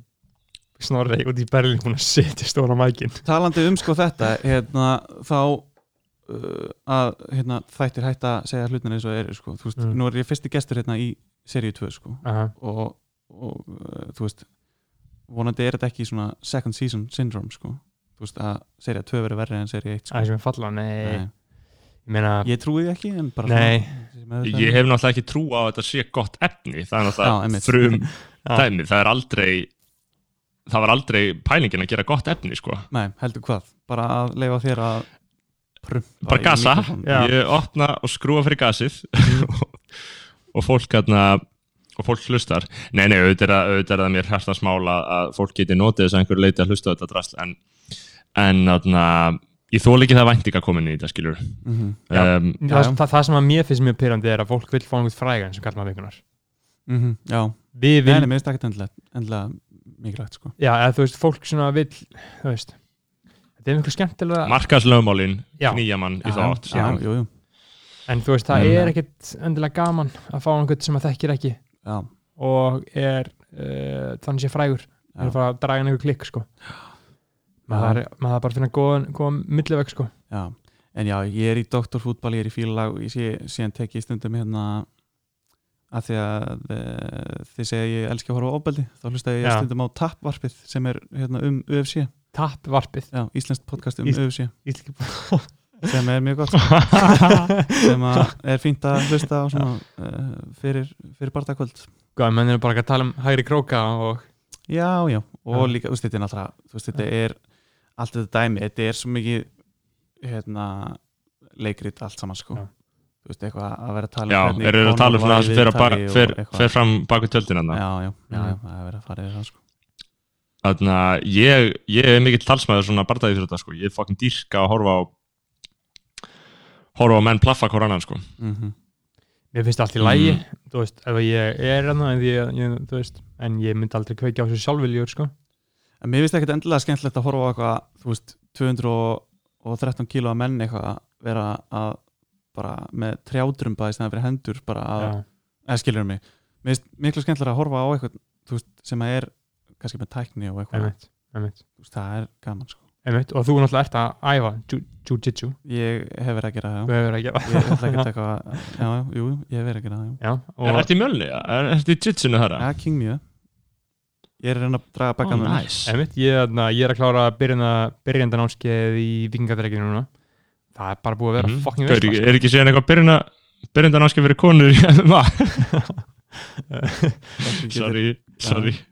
Þannig að ég held að sé fyrir það er auðvitað eitthvað Er svo ekki, bæri, er ekki all kyn saman? Þannig að jú, jú. síðan er líka Ég var hægt að að fara líka, svona 35 pluss kallmenn námskeið í glímu. Þú kannski ferði það svona, Stórir og skeggjaði menn. Já, burly boys. Já, já maður, en ég meina skeggið, þurfum við ekki að, að, þú veist, adressera það, að skýra semantíkin á bakvið skeggið. skeggið. Sko, að Hvað er að skeggjaður vera skeggjar? Þú, sko, þi, þú náttúrulega hérna, laðið mér net, net að þegar skoðan bara live var í gangi þá settur við mynd af mér einhverju ógeðslegustu mynd sem hefur verið tekin af mér það sem ég svona ég er með eitthvað svona hérna, ringjarinn í Notre Dame bungu á bakinu með bjór í hendinni og, og setur inn að El Barbas sé Já. mættur á svæði sá skeggjaði. Já, já El, El Barbas þetta sá skeggjaði á spænsku El Barbas. Þannig að ég þekki gaur sem er fokkið mikið skegg og hann alltaf kallar El Barbas. Þannig já ok, maður, já, það var ég, ég var búin að gleyma Já, þessu. það varst þú ég mynd En þarna, Eh. það að vera skeggjaður Það Er er bara bara að vera þunglindur? Er það ekki bara þannig? Er það ekki bara Eða kannski ekki endilega að vera þunglindur Það er meiri kannski svona að finna fyrir depur að að vera þunglindur er bara klínsku einmitt. En að vera skeggjaður er bara finnur fyrir smá Já. þú ert bara með þunga heimsins og auksluður og þetta sko dregur uh, ég held að þetta hafi komið sko frá því að þarna ég held að upprunnilega þýðingin sé að þarna uh, Brynjar Barkarsson hafi verið að tala um að einhver væri þungliður Mhm. en það var ekki eitthvað næsgaur þannig að hún vildi ekki segja neitt vondum hann skilur Já, Hann hafi bara verið Það- skeggjaður já, þannig að það kom einhvern veginn já, hann hefur verið svolítið skeggjaður upp á síkasti Mér er satt svo að finna að það hafi verið lagt á mig af því að ég er svona einhvern veginn, það hafi hægt að finna mjög bara mun svona þingri menn dabra menn Já, já, Já. en Já. ok, ég tek En þú veist, engu síðu, þá ertu, skilur, stundum ertu, getur verið svolítið skeggjaður, og það er bara alltaf lægi líka, skilur. Já, bara alveg svo þú og Eh, Bergþór og já, já. Já, Allir hérna inn í þessu Mm. komplexi einmitt, all, ég meina allir kallmenn með drauma þeir finna fyrir og, og Við þeir höfum líka talað um skeggjaða sagfræðinema. já, og svo er náttúrulega Það skegg, skegg ólían sko. það Já. er hérna Já, þessi kaldi á krana sko. já, já, já. það er 0,5 lítra Já, um það er skeggóli. það er skeggóli já, Það er reyndar, ma maður hefði ekkert að búið til smá skeggóli í kvöld, maður. smá Mm. IPA drulla í Já. glasi frosnu glasi Ég hugsaði um að drekka bjóra meðan ég er að taka upp laðvarpið. Væri það... Nei, ég menna sko, Mm. þú veist er, ok, reyndar þannig að skoðan er bara live þá varst þú með, þú varst búið með svona þrjá já, það var ræðilegt og það var ekki gott sko. það var ræðilegt en Sko- ég, Nei, nei. veist, ég held að sé alveg fínt fyrir ykkur að viðmælandin sé að drekka bjór sko. já, til að fá eitthvað Fyrir þá sem vilja að hlusta á það, þá er það þarna sérstakki þáttur með Jakobi Birgisinu. Það Mæl- var það var uh, hræðilegur fjasko, það ætti eiginlega ekki að vera neytinu. það, við þurfum eiginlega að dvíta í maður Já, það, Það- er bara, það er held ég versti einn og hálfur klukkutími lífs mín að sitja það með Snorra og Jakobi á portinu Snorri og hann frekar fullur Jakob, örgulega líka, ég manna það ekki já, jú, jú, jú. Jú, jú. jú, jú. og að byrja er svona uh, svo umölu kemistri á millikar Já, þetta er bara svo að sitja á vestugutinni og bara, og bara Já. fá Já. þetta yfir sig Já, veginn svona, og það er ekki Við, hægt, svona við lest sem er ekki hægt þetta að og stoppa þetta var... sko. já, og fólk var það bara svona Nei, fólk hafði gaman að þessu. Fólk hló og hló. Fleiri hundru manns. það hló mér það er svona með sko, fólk var aðalega bara svona smá sært að við rukkuðum þetta inn sko. já, það er gæl já, en endum síðan í bara næstu í mínus þetta kvöld sko. það er portur þetta að fá sér er gott að vera gjaldþróta í að að halda eitthvað podcast live. portur þetta að fá sitt kött og uff, æ, þetta var bara ekki Ég veist þetta gott sko, fleiri hundru mann sem mætti og mættu og og geðveik stemning og góð, gott samtal og ég, ég, ég ma, þetta var algjörlega fucking galið sko, maður verður svolítið, maður verður alltaf peppaður sko þegar það er live, af því þá vill maður segja eitthvað skemmtilegt, skilur mm þá ertu að fá sko uh, viðbröðin við uh, ókjöfnu sem að vellur upp úr þér alveg strax sko. Mm, það er svona í beinni sko. Mm, uh, heyrðu, eitt, eitt, eitt punktur, samfélagsmiðlar af því að við vorum búin að að tala um þetta við vorum búin að að tala um þetta um, í síðasta hætti líka og Beggi er að fara að hætta á Instagram og ég veit ekki hvort þú sért að hætta á Instagram Arnar, hvað ertu lengi í símanum þetta? og ég skoða það bara núna ó já, Já, hvað sér maður þetta erum við að tala um eitthvað, fjarka eða fimmu? eða? screen time fer ég bara í settings og eða hvað? Uh, já, færi screen Þú getur farið sko á heimaskjánu þá getur bara svæpa til vinstri og þá ferði þarna skrýtna skjáin sem engin notar en þar getur við þetta já, Uh, við erum að tala um já, þetta er 440 440 en mér til, en mér til varnar sko, mér til varnar. Þá Já. hérna uh, er ég búin að vera að mixa plötu og uh, ég þarf alltaf að, að bánsa út lögunum skilur Já, Úst, úr forritunum yfir í VAF form Já. og það tekur fokk langan tíma sko mhm þegar það er mikið að rásum og eitthvað mikið að hljóðfælum í gangi og þá er ég bara að skrolla á Já, meðan skilur já. Mhm. Þa- þa- Þetta er vikulegt meðaltæli á eða ekki? uh, síðustu vikuna Já, síðustu vikuna og ég, þú veist, ég er bara að staða með því oft bara síðustu vikuna að bara Já. að fleia Já. símanum mínum í burti, bara bókstaflega bara hvað er ég að Já. skoða Já. bara, oi bara, burt með þennan síma Mér finnst þetta, Snorri, hvað er þú með? Ég er held ég núna með þú veist, eitthvað í kringum uh, tvo uh, já, meðaltal eitthvað svona svo í kringum 1 til 2 Já. um, Mér finnst það mjög áhverð af því að ég, það veldi mér ekkert jafn mikið þá vanlega og þessi sími, Já, ég hata þetta. En ég er samt að skoða, ég komin orð, ég er bara í klukkutíma og tíu mínútur. Það er þetta rosalegt. Síðastlega viku, það er mjög gott. Þú veist, ég, ég raunverulega reyni mjög mikið að vera ekki símanum, skilur, þegar ég gríp mig. Ég líka sko veist, ég raunverulega reyni það en þetta lætur mig samt líða svo fucking illa þetta er ekki, þetta er ekki gott fyrir neitt sko nei, þetta er ekki gott fyrir neitt nei, nei. en þannig að ég, að, En að ég, ætla ekki, ég að ætla ekki að taka þátt í þess með þér samt. nei, af hverju ætlaðu þú ekki að taka átt í februarbyltingunni uh, af því að uh, við erum að fara get ég reyna að fara að gefa út uh, lag til dæmis Já. og mögulega plötu í lókmánar einmitt, og mér líður bara svona, út í að við erum búin að vera í eitt og hálft ára að því skilur, Einmitt. og mér líður bara ef ég eitthvað svona ákveð bara að sleppa því að láta þá sem er að fylgja mér þó að sé ekki Mhm. margir skilur einmitt, vita einmitt. af þessu, þá líður mér bara eins og ég sé bara einhvern veginn að skeita einhver um það sko. já, já, ok, já, það, það, það meika sens en ég meina eins og einn uh, ónefndur uh, rappari tónlistamæður, hann er að fara að gefa út í februar Já. hann ætlar að hætta, hann ætlar að taka átt í februarbyltingunni Mhm. þanga til 2005 Ok. þá er hann að fara að gefa út Mhm. hver er það? ég veit ekki, kannski vill hann ekki að, að Ok, koma fram núna þannig að ég geti sagt þér frá þér eftir Já, já. En þannig að það er til dæmis pæling Já. en en- en- en- en- engin pressa Nei, nei, ég bara, Ég ég bara, það er líka alveg valið sko, Fe februarbyltingin Sko- er bara fyrir þá sem að vilja sko. í, í podcastinu með stelpunum tveimur sem ég er að hlusta á Já. uh, þar er önnur þeirra búin að vera bara mjög djúft í fræðunum hvernig á ég að láta þetta hætta rústalífi mínu nei, já, skilur Já. hvernig á ég að láta samfélagsmiðla hætta rústalífi mínu hvernig er það hægt? ég veit ekki og. Og hún er bara mikið bara búin að prófa alls konar lausnir skilur, það er bara mjög áhugavert að hlusta þetta. Hún er bara búin að prófa, einu sinni prófa hún að fylgja, að, unfollowa í rauninni alla á Instagram. Mm. bara alla? Þannig að hún var ekki að followa neitt, þannig að þegar hún fór hún í appið það var bara ekkert að gerast, þú gæti ekki gert neitt. Þú var bara búin að eða þetta fyrir sér. Mm uh, síðan bara eiginlega byrjaði hún að followa alla aftur þannig að það gekk ekki. Um, og síðan byrjaði hún að followa einhverja nokkru vini sína og þá var þetta bara orðið sama dæmið. En það sem hún segir að hafi virka fyrir sig til þess að skilur þurfa ekki að hætta um, cold turkey eins og maður segir á Instagram uh, var að hún um, svona stillir allar öll storyin uppi. Hún stillir það á uh, mute. Já, þannig að hún þarf Þannig að fara og skoða öll- ef hún vil skoða. bara öll story. Öll story eru á mute. Wow. þannig að hún, þú veist þannig að þau, þau breyta ekkert um röð inn í dæminu, skilur Já. mm þau eru bara öll dauð. Þá lítur hún að follow að Já, fá já, að nei, þú getur bara gert þetta alltaf að þú ferði í síman og bara mannst eftir að, að mjúta á nokkrum efstu. Bara mjútar og mjútar og mjútar þannig að bara endar að mert ekki með neitt kveikt. Mm. og þetta eiginlega alveg fyrir henni að opna Instagram skilur af því að þú veist, þú veist ekki hver var að setja eitthvað í story. Þú getur Já. ekki vita það þetta er ágætt sumund ég, ég, ég, ég er með fólk mjútað sko. en ég er að followa ég er að followa 800 manns eða eitthvað. Þannig að þú veist, það er ógslag mikið en svona þarf ekki að unfollowa neitt þú ert bara, un, Já. þú ert bara að mjúta ja, mitt. um, og skilur og síðan ef ykkur gerir eitthvað ógislega skrítið eða einhver gæla setur skrýtna mynda sér eitthvað þess að einhver fólk sendir þetta skilur. Þá serðu þetta, þá ertu ekki algjörlega út úr lúpunni. Um, en ég er að pæli að prófa þetta sko. Já, þetta er ágættis að mjúta Mm. með þér.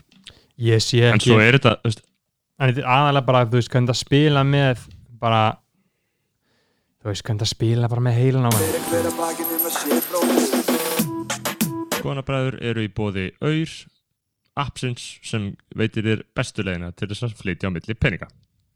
Skoðanabræður eru í bóði forlagsins og þú getur fengið hljóðbókina Við erum ekki morðingjar eftir Dag Hjartarsson lesin af Þúrdísi Björk á vefsíðu forlagsins á aðeins 990 krónur með kóðanum skoðun á vefsíðu forlagsins. Og skoðanabræður eru í bóði sambandsins símafélags þar sem þú getur fengið 60 GB frí með því að skráði í appinu með kóðanum skoðun. Að Ég er bara að mjúta Pjöti Kynnan Pétur- Það er ekki bara að gera það Bara-. Ég er bara að gera það er gott, uh, góð byrjun. Ég Það er sko ég get ekki farið held ég á profílinn hans og mjúta þar ég held ég Þau bara, bara býða eftir að hann Jú, jú, jú, þú heldur getið gert það sko. okay. Þú veist, Þú getur auðvitað bara eitthvað svona mute stories from einmitt, ná, náttúrulega með því að mjúta Pétur Kennan. Ég þá held að bara sé svona, inn í sko settings hjá öllum á Instagram og þú getur bara mute Pétur Kennan eða ekki. skilur. Já, mitt því að náttúrulega með því að mjúta Pétur Kennan, þá ertu svona komið með svona þitt eigið adblock, Já, myndi segja, eins og bara Já, það er bara hana, private profile, uh, já, nei og svo bara mute Pjöti Kynnan, já, nei það er hann að fyrir neðan. Að um, ekki það, ég myndi aldrei mute Pétur á hann er góðu félagi minn. Já, Já, ég þekki hann vel, já, Já. hann er með Veslum já, Þannig að En Gaur, ég meina, Beggi, þú, þú hefur bent á að þetta sé skilur eitthvað óeðlilegt og óheilbriðt en ég meina, ég hugsa, þetta er náttúrulega líka bara sama og, þú veist, í, gamla dag það var mjög gaman að fá bref já, bara einum lúuna bara, skilur, nei flösku það bara, þú veist, það var veist bara, hei, það er bref til þín, bara, Já. hvað what the fuck? Okay. uh, hver er að senda mér eitthvað? Um, og þetta er alveg sama mekaník núna og var í gamla dag, nema núna er þetta bara í 30. veldi.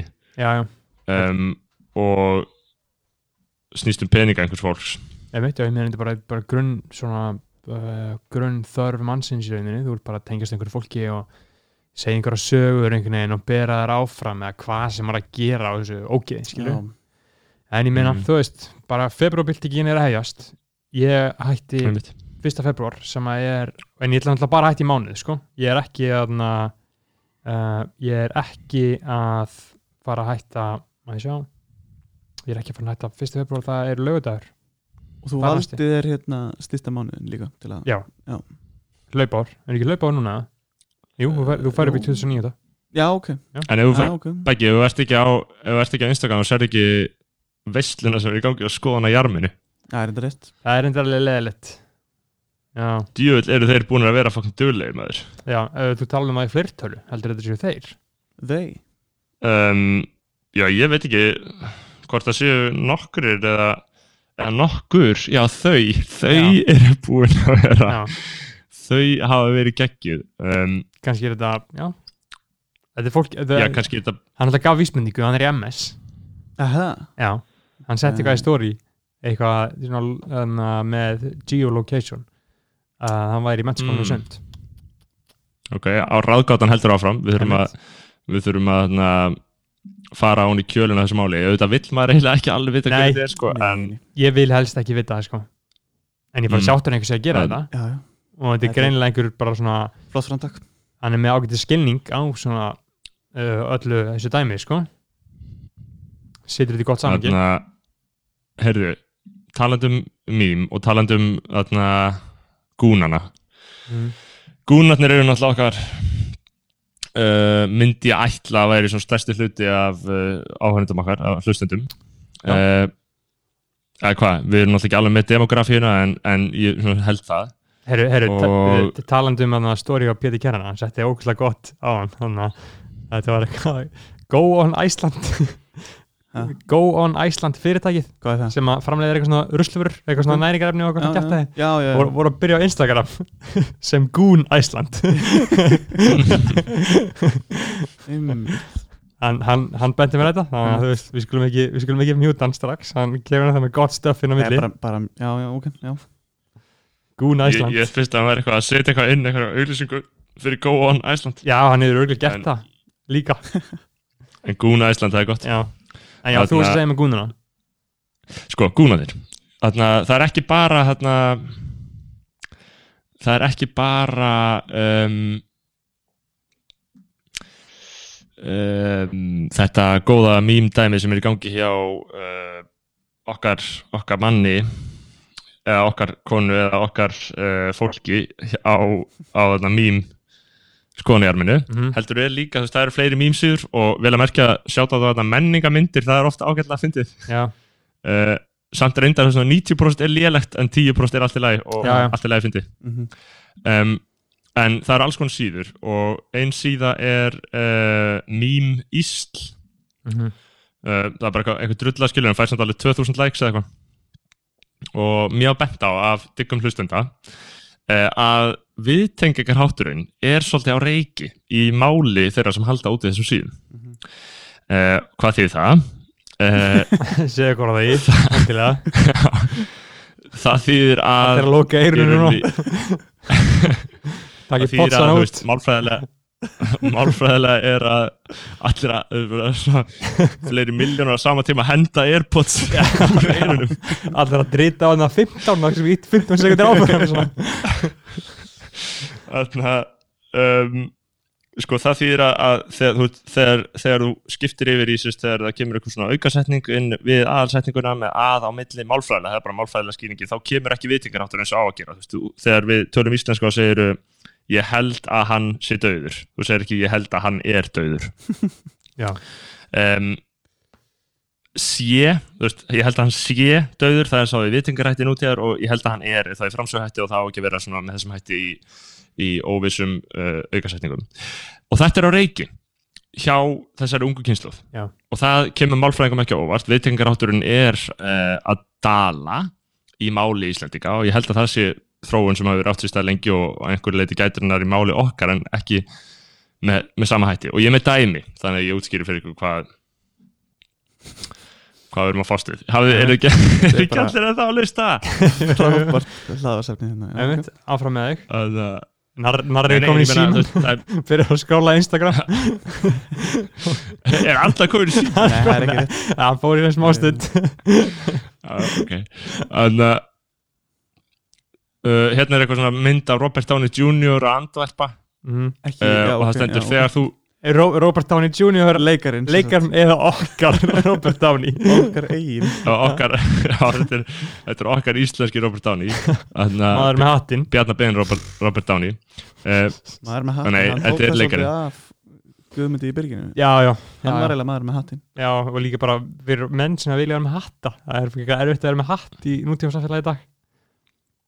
Nóum það það er, þeir, þeir eru svolítið eigandur högg að sækja þessi hópur sko. Já, um, en og textin við þetta er, þetta er eitthvað svona, hann er andvarpa hann er auðvitað með feimin og hann segir sérst, þegar þú helst að þú kerðir á dýr en það var bara garðbæðingur á vespinu sinni. Um, þegar þú helst að þú kerðir á dýr myndið þið voru orðað þetta svona? Nei, þegar þú helst að þú hefði kert á dýr eða þú helst að Já. þú hafir kert á dýr þú veist, það, það kemur þetta hafir eða hefðir. Þetta kemur bara þegar þú helst að þú kerðir þetta er svona algjör framsóhattur Mhm. og og þú veist, þetta er svona uh, fucked up dæmi og, og, og En- næsta dæmi er st- En sko, get, er, þetta- getur þetta ekki líka bara verið dæmi um það að þetta er kannski svona eins og uh, maður, maður hugsar til uh, jú, engilsaksnanskunar algjörlega sko. en ennsku, það er svona mým máláttur eins og að segja bara it be like that, skilur Nei, mér finnst það- nei, mér finnst það ekki vera þannig Mér finnst það frekar vera bara hérna, fólk að reyna að beinþýða og bara fatta ekki Já. að þetta eigi ekki vera Já. svona skilur. en, en, en þú skilur hvað meinar eins og sumir svona málnotkun eins til dæmis bara fyllt á röppurum að segja þú veist, you is doing that, Já, já, skilur og veist, nota þetta bara svona leika sem með tungumálið, skilur mm. ég skil, til ég að byrja skil með hugmyndina já, byrjar Þú örugglega fyrst svona út, út frá fáfræði og síðan verður þetta bara fagfræði Mhm. já, Já. nei, en það eru önnur dæmi og það er vissulega örgulega til dæmi um, um slíka þróun í íslensku en þetta er bara, veit ég, sem málfræðingur eitthvað sem er að gerast í tungumálunu og einhver breyting sem er að verða hjá ungu kynslaunni að það kemur ekki viðtingarháttur það sem hann á að vera. Næsta dæmi er þegar einhver segir að njörður er af ættum ása. Við heyrum, all, við heyrum öll að þetta er vond skilur mm -hmm. en hjá einhverjum svona ungu krökkum er þetta gerast og þannig gerast málbreytingar náttúrulega skilur þegar einhver Eh. segir að njörður er af ættum ása já, Hafi verið Eh, eða já. sé. Eða sé, já, sé, hafi verið væri svona eðlast þetta er náttúrulega fortíðar lýsing en þannig að þú veist um, þetta, er, þetta er svakalegt sko. Mér finnst líka svona bara í talmáli í Íslendingum uh, uh, eitt sem að, þú veist, er ekki ránt en þú veist,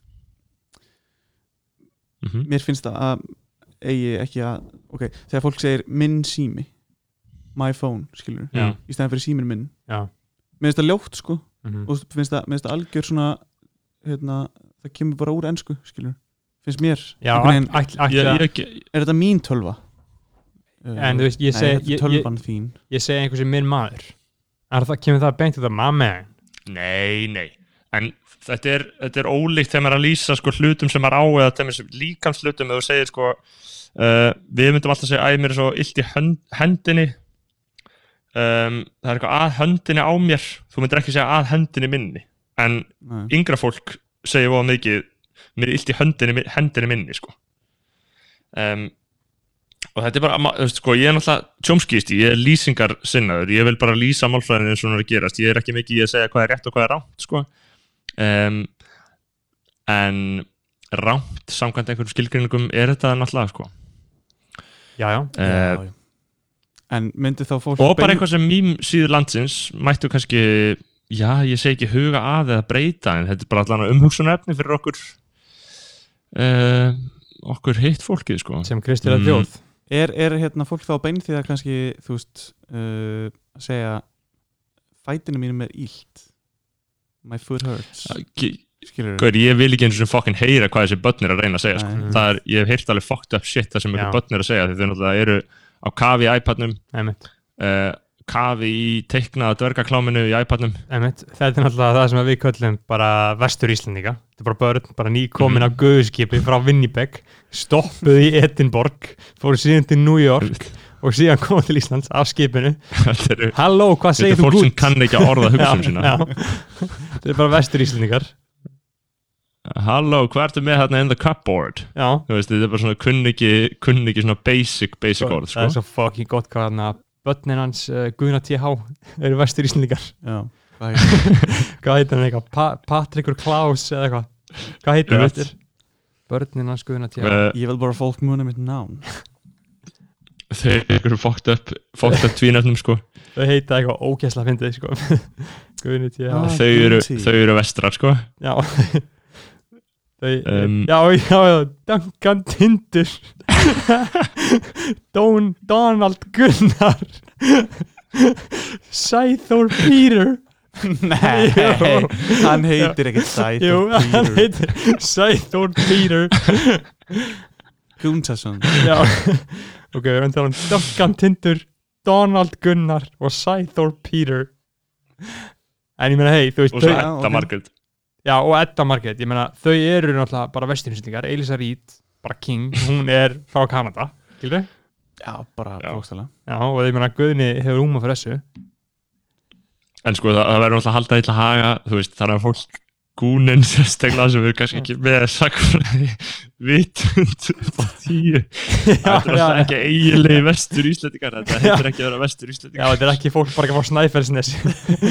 Ja, sko, vestur íslendingar eru sérst, uh, sá hópur íslendinga Nei, sem á, á einhverjum á, á ofan, ofanverri átjöndu og í byrjun nítjöndu aldar, nei, já, já, já, já, já, já, einhverjum á ok, nítjöndu já, öld já. fluttust vestur já, já, já. Já, en þannig að ein mjög áhugaverð til bandaríkjana. sko, staðrend, bandaríkjana og Kanada aðalega Kanada, mjög á, áhugaverð staðrend er þetta, vitið það þegar þetta var bara í aldamóntunum hana Já. 1900 þá fór 25% Íslandinga Íslandinga voru 100.000 Já, mitt Íslandinga voru 100.000 á þessum tíma ára 1900 og 25.000 fóru yfir til Vesturheims pæli hvað er sjúkt það er eins og bara, byrju, hvað er starfræðin í dag?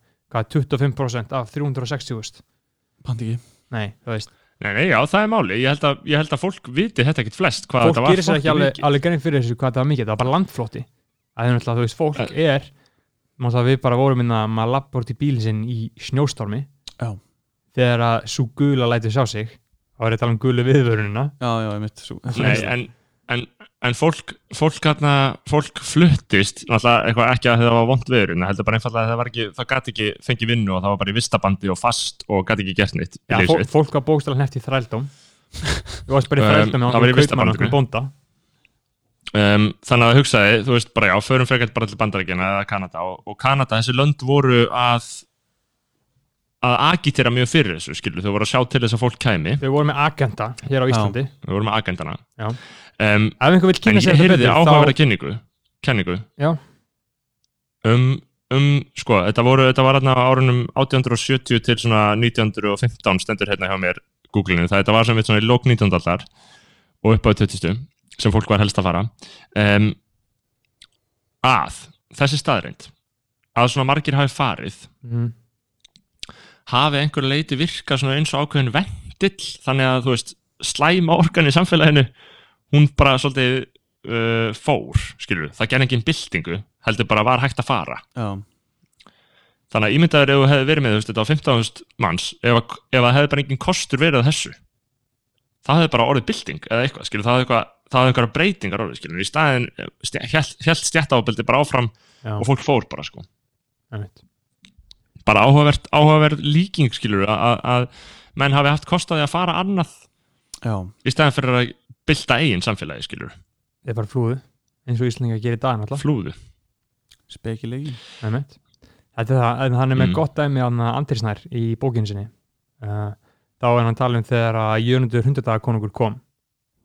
Kongurinn mikli og, þarna, og hann var bara eitthvað að segja fólkinu bara eitthvað að við ekki frelsi, skilur, sjálfstæði já, og Íslinga voru bara eitthvað, fuck nei, skilur gáttu við að vilja það, skilur bara eitthvað kúaða dönum, allir bara eitthvað "Mm, nei, ég er bara nefnir þess ekki, skilur Mhm. og Jörundur var hérna, hvað var Jörundur hérna lengi? munið það? mm, Nei. spurðu pappa Já, hugmynd. pappa Einmitt, uh, við erum búin að fara í málfræði, við erum búin að fara í sagfræði um, þannig að ef einhver vil kynna sér uh, vesturíslingar betur þá mæli ég með Hýbíli vindana og Lífsins 3 eftir, Guðmund, nei, eftir Böðvar Guðmundsson. Kom út ára 1995 og 1996 og fyrir Lífsins 3 hlautan bókmyndaverðlun Íslands. Þetta er frábæra bækur. Sem ég mun aldrei ég- lesa. Einmitt, sumir. En bara ef er einhver annað að leita eða er einhver bara mentaður í samfélaginu en það vil taka þátt og lesa bókmyndir þá mæli ég með þessum bókum, sérstaklega. Mm, ég hef ekki lesað en um, sko ég held einmitt að við, við, við, við, við erum oft svona heigum við að fara oft djúft í svona mála því að maður, maður fyrir að hugsa já ok, það getur enginn hlustað þetta en ég held að fólk hafa alveg gaman að því að, já, að já, heyra smá svona af því að ég meina við náttúrulega við, náður hefur að gera eitthvað svip sko. Já, ég veist, ég, Já. þetta er ekki mikið fyrir mig sko en þannig að uh, við vorum að tala um aðna, uh, vestur íslendingana og þetta er svona sér tegund af fólki sem að tala íslensku og ennsku bara ný, Já. ný koma einhverju Já. guðskipi bara á sólna þeirra dóa á leiðinni að þeir voru tvo mánu á leiðinni. En þannig að þetta er þú sér þetta bara í svona smá í dag hvernig íslendingar beita, hvernig þeir tala íslensku og ennsku skilur, fólk virðist ekki vanda sig. Uh, hver er þín skoðan þínari? Þú veist, þú reynir að tala fallega íslensku. Já, já, maður reynir að gera, að gera hérna, hvað segir maður? þú reynir að gera, Gera your, úr því. Þú reynir að gera your best í því.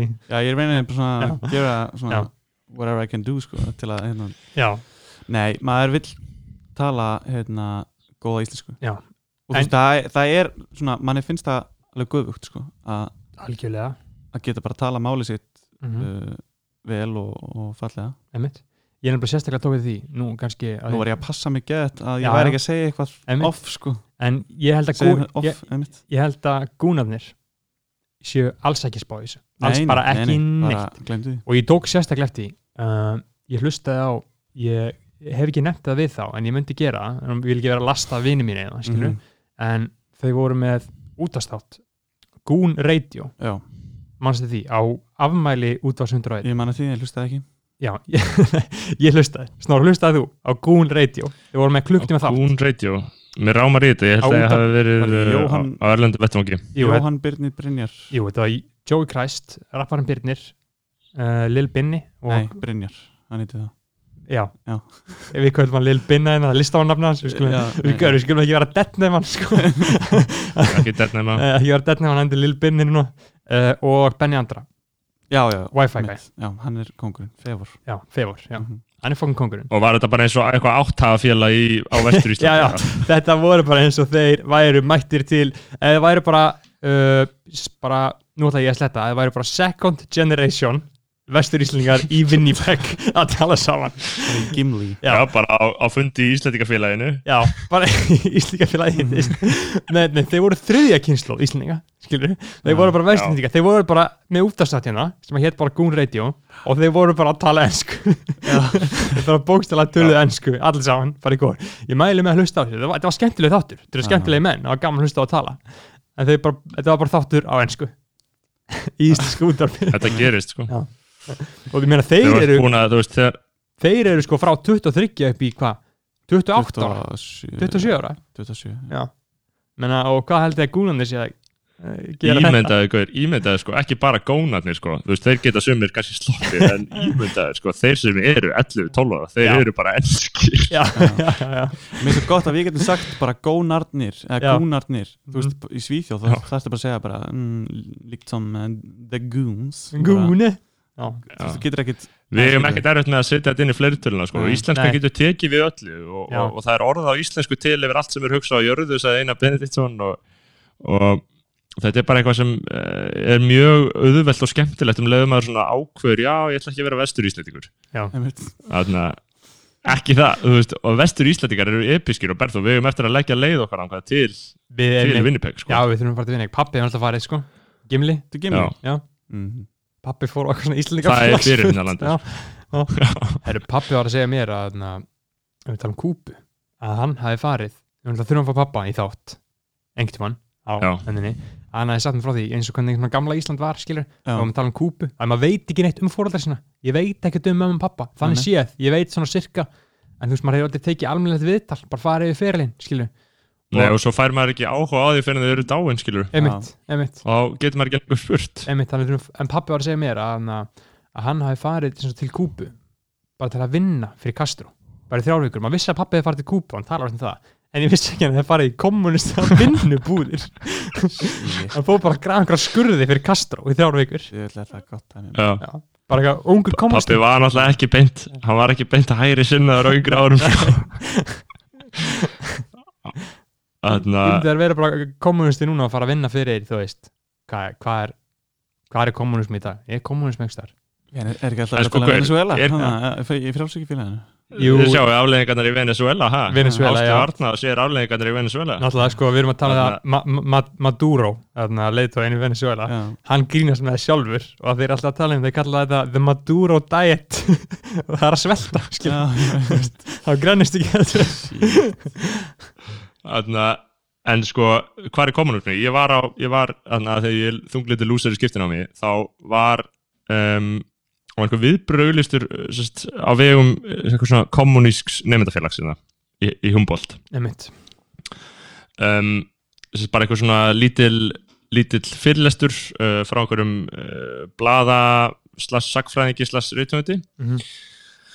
og mm, punkturinn var sem sagt hvernig í rauninni vesturveldin, Bandaríkin, Þískaland öll þessi stóru lönd og bara NATO í rauninni væri að leggja grunninn að því að fara í stríð um, sem Nú- ég núna? trúi eftir að ég var aðna já uh, og það var svo gaman að sjá þessa kommunista að þeir kynntu sig og voru að kynna starfseminn og þeir eru svo já, við erum svo hluti af fjórða fjórðu kommunistarhefingunni, við erum trotskístar þú veist Mm. um, þannig að þú veist, þeir eru trotskístar þeir eru ekki eitthvað svona ég veit ekki hvað ertu, þú ert ekki fucking trotskíst ég veit ekki, ég, ég hef ekki eins og þekking á því hvað þetta þýðir alltaf, nei. skilur en en En trotskístar og það er svona gett mikið leynd yfir öllu skilur þú veist, þú máttur ekki taka myndir helst þú veist, þetta er svona, trotskístar vinna svolítið í leynd til þess að kommunismi ná í heims yfir á þeim sko Já, um, og hvernig var að fundinum?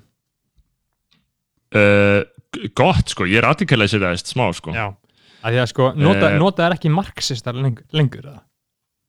Já, þú veist, auðvitað eru marxistar Já. en, þú veist, að vera trotskístir í rauninni, þú veist, ég held að allir sem eru trotskístar eða stalinistar eða leninistar séu eh, líka marxistar auðvitað, sko. Þetta er bara spurning um túlkun á þeirri heilu rytningu sem Das Kapital er, sko. Einmitt, en alltaf okkar maður þarna, uh, hann talaði mikið um menningar marxista. Hann þarna, uh, hvað heitir hann? Uh, Fjótolf Hansen Já, já ekki dead name hann maður. Nei, fyrir, það sem ekki Eh. vita það á Fjótolf Hansen það er svona nýjan nýjan nafn á það Anders Bering Breivik. Einmitt. fyrir þreymur árum. Herru, shit, maður. Að breyta nafninu sinni í Fjótolf Hansen. Talandi um hann, sko. Skulum ekki vera deadnum, hann heitir Fjótolf Hansen. Og hann talaði mikið um menninga marxista var mikið á mótið þeim.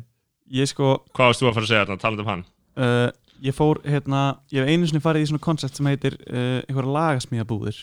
Mm. Það sem að hérna svona uh, lagahöfundar og, og produsentar fara bara einhvert út á land og semja lög fyrir einhverja listamenn. Þælabúir bara þrælabúður Já. og hérna og uh, Auðun Lúþesson betur þetta sem Auður uh, bauð mér að koma með í einu svona lagasmíðabúður af því að hann hafði farið áður eitthvað svona á vegum þessa fyrirtækis mm sem var að sjá um þetta og þetta heitir eitthvað svona Into the Woods og er í litlum bæ sem heitir Rena í Noregi. Nice. Sem er uh, ég held að þetta sé aðeins norðar en Stavanger eða eitthvað, þú veist, við veit já. ekki nákvæmlega hvað þetta er. Ok, allana, það er var fínt og allt það en við mætum hann þess að bara. Og þetta er svona cirka ég held að þetta sé ekki meir en 2000 manna bær. Og það er sérst einn veitingastæður í öllum bænum og við bara byrjum á því að fara þangað og erum eitthvað, her, hvað hérna hvað bær er þetta, þú veist þurfum við ekki að googla, Mm. googla þetta eitthvað og Mm. förum bara á Wikipedia og bara stendur eiginlega bara ekkert um hennar bæ skilur nema Mhm. að vera eitthvað skíðakappi sem bjóð hérna og bla mm. og svo stendur bara, bara bara ein af þrem málskurunum hann er bara uh, uh, hérna in preparation of the Oslo attacks Anders Breivik lived in a farm outside Rena, Norway wow, var Fjótolf þarna í Já, bara með að bóndabílnum? var að plana helvitis meistaraverki sitt Sko, þarna. þegar við tölum um bækur aftur þá er það held ég besta bók sem ég hef lesið á æminni sem heitir Einn af okkur saga samfélagi og er Ævisaga Breiviks eða já. hver skrifar það? uh, hún heitir Asne Segerstað Asni? já, Asni. segist þetta. Asne, þetta er svona uh, norsk uh, kona fucking epis, hún hefur líka skrifað þarna uh, bóksann frá Kabul sem að Já. fræg bók Skrifa svona og Journalismus bækur. núna, núna skrifa hann bók sem að bókstæla váka, þetta er bara tilhörun ég bara var að byrja að lesa hana í gær uh, sem heitir Tó Sostre tvær systur, um þess að tvær norska stelpur frá Sómalíu. Eða það eru fóru, það eru uh, setni kynnslóð í Nóri Já. fóröldar eru frá Sómalíu. Múslimar sem að uh, radikalisir og fóru til Sýrlands til þess að aðstóða í stríðinu. Ok, og pappi er að fyrir eftir þeim Já. epic saga sko ég fucking elska svona þú veist, sem gerist í alvörunni en er sett í svona Já. skáldskáfa búning sko. En er hún að skrifa þetta þú veist, þetta er ekki árabæðagrúfi hún skrifar þetta sem skáldsjö um Já, já, hann, ok, en ok, já. byggir þetta allt á viðtölum og sannleika. Einmitt, ok hún er við smá skilur. að þú veist, þú getur ekki gert neitt svona án þess að eitthvað fólk fara að segja og setja bulla sko. Já, já. en já maður Can't, can't make a tomlet without breaking through Greg's já, einmitt Wa Tom, Tom Waxmans hvað heitir hann? Wamsgangs það er þú byrjar á Succession eða? Herru, ég horfði á fyrstu þáttinn af því að því að þetta var ég fokkin snild þetta er fucking og snilt veistla já, þannig að ég, Bókstæla aldrei hórt að betra sjónvarsveitni að því ég kallnaður já, uh, já, ég tók fyrstu þáttinn og ég bara, Já. þú veist uh, já. Eða, þú veist, mér fannst þetta bara allt í lagi. Þetta, þetta verður betra og betra sko. Þetta bara verður ok, á ég að þú bara að nenna að eigða tímanum mín mín bara að þetta verði betra, skilur Já, þú veist um leið og kemst inn í þetta, er bara eins og allt, skilur við, þú getur ekkert eitthvað að lesa bók og lesa fyrstu tíu blæð sem það er drömmulegt, skilur Nei, við, þú veist, þú veist Ge ég, geðu sér þrjá þætti, Ok. þrjá fjóra þætti. Já. og þetta bara Þú tók veist, mig ég, ég hata fólk sem mæli með sjónvarsveitni en Já. Succession er, er, er um, mjög gott. Eitthvað sem maður verður að horfa á eila af hverju verði ég að horfa á það? Um, það því að þetta er bara svo, þetta situr svo ógeðslega vel í manni, þetta er svo ógeðslega vel skrifað og þú veist maður mann nöfnin á karakterunum, maður svona raunverulega kemst inn í þetta og tengist hverjum einum og í handritunum maður sér, já ok, nú er séf að fara að segja eitthvað, skilur, maður veit þetta, maður er alveg komin inn í þetta, þetta er bara það Kendall gott, Roy. já, hérna, veist, mér finnst að finna að sjá hann í þessu hlutverki þannig að vinni úr Big Short sko. leikur hann í Big Short, kennir Já. það? Já, Já. hann er Kendall, já. Já. og líka aðalmáli, akkur þetta er svona ógæslega gott er út að eins og var að segja við þig sem að samfæri þig á að horfa á þetta að þetta væri, hann heitir Adam McKay sem að leikstýrði uh, Big Short og Vice sem Já. er báða svona fucking góða myndir. Já. ógæslega góður og skemmtilegur húmor skilur hann er svona exec producer af Succession. Og þér þessu?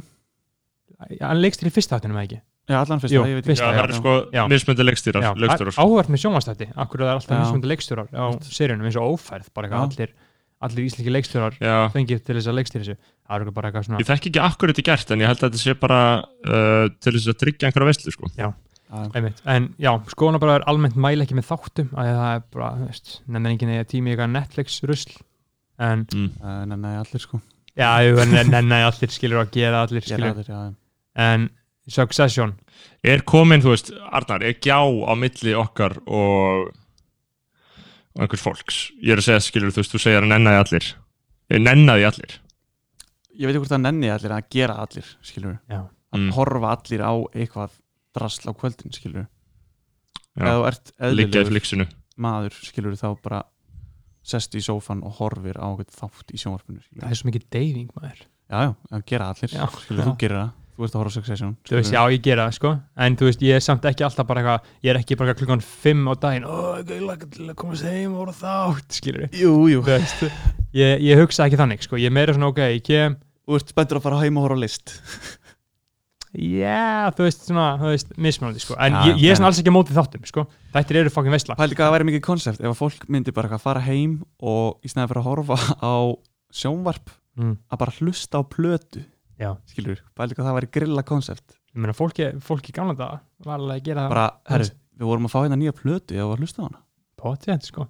Bara, já, Gauður, ég er að segja að fólk hafi svo fucking lítið að gera í gamla dag eins og sko kynslu sem er svona kannski 15 árum eldri en við um, þau þurftu að láta sér detta meira í hug en við sko. Já, þau voru bara eitthvað, fóru bara í plötu sátt og mömmu svona pappa og fóru að hlusta eitthvað eða ég veit ekki, lesa bækir eða whatever. En við vorum bara í, í veist, í World of Warcraft og Counter-Strike og klámi uh, frá því við vorum mjög miklu krakkar maður ma ma ma fór ekkert í þetta ferðalag um menningu og list sem aðrir uh, hafa farið í að því að við höfum svo mikið aðþreyingar möguleikum sko.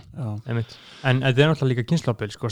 Þú ert talin vera gen seta já, og ég held að sé, og ég held jafnvel þú líka, ég held að sé frá krakkar sem eru fættir frá 80 til 95, þeir eru mil, Er millen, ekki mil, 96? millennial. ég held að þessi 96 ég, Kanski ég er, lesa kann, kannski er það 96, en þú veist, Snorri, þú ert náttúrulega, þú tilherir ógeðslega eftir kynnslóðinni. þú Mm. ert generation seta. maður sjá, millennials hvað, hvað þýðir það? Það þýðir að, það? þýðir bara, þú veist, það er í rauninni bara já, sú, 96 sú kynnslóð sem að nær að vera fullorðin í setni áratug 21. aldarinnar perceived as being familiar with the internet from a very young age þetta er það er ég 81 81 til 96 er, það er millennials Já. við erum eða ekki heiminn Já. en Þa- þetta er, þetta er það sem að segja á góður en, að, þetta er það sem ég segja á góður en sko, ég er aðna ég sá eitthvað fucking PC gaur vera að tweeta um þetta. Að hann var að segja, hann var að kalla fólk digital natives. Þú veist ég er digital native af því Já. að digital er mitt móðumál skilur Já. en ég menn eins og ég, ég lærði eiginlega að lesa í tölvu sko, bara stafakallanir eftir Bergljóti Arnalds. Mm, bara í tölvuleik. Ég man eftir Berglóð Arnalds eitthvað en ég man ekki þetta kannast ekki við málið. Já, Nei, ég, ég bara, þú veist, ég einmitt. Já, ég er að segja, við erum, við erum algjörlega siktir og bæki, ég og þú erum náttúrulega af sömu kynslu, sko, þú eru aðtöða það já, já, þannig séð sko. Uh, og ég ólst upp með, þú veist, ég var alltaf, enga viðinni, skilur en það er svona svo fyndið. Þú eldir mig og vinnu mína einmitt. En það er svona svo fyndið að það var alltaf bara snorri hætt að elda okkur, ég bara, gaur, ég hef ekkert annað að fara. Gauð, það sem ég finnst ennþá, ennþá samt svo gott sko, er, uh, það er einhverju vinur minn ennþá sem að hitta þig og kalla þig snitch eða ekki, Já, jú, blessa snitch.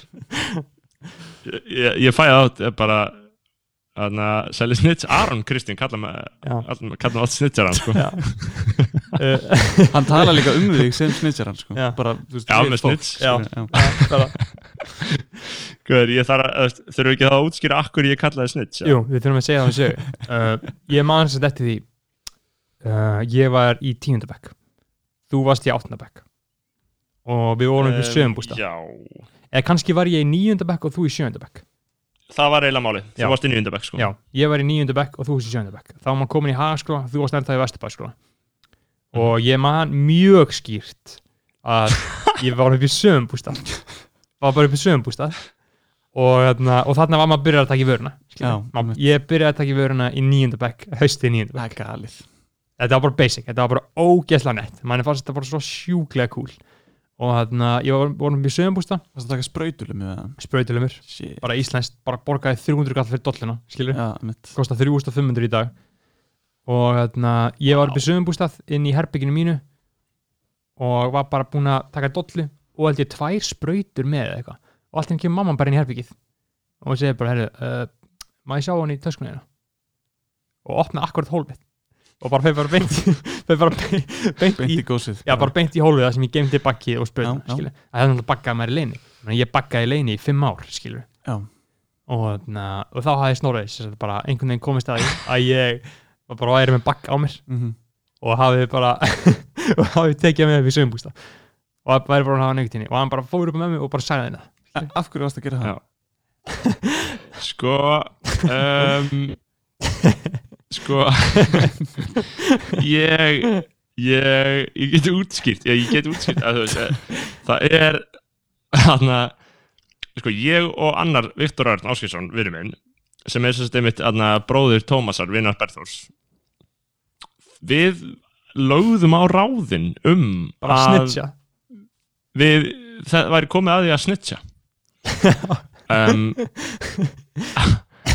og það var bara algjörlega meðvitið pólitísk aðgerð Já. um, sem við þurftum að ráðast í og, og vissulega þá benti ég mömmu á að ef hún leitaði á okkur stöðum þá kynni hún að finna eitthvað aðtilsvert um, en, en þetta var bara sko, barsleg umhyggja sko. það var engin rættni í þessu sko.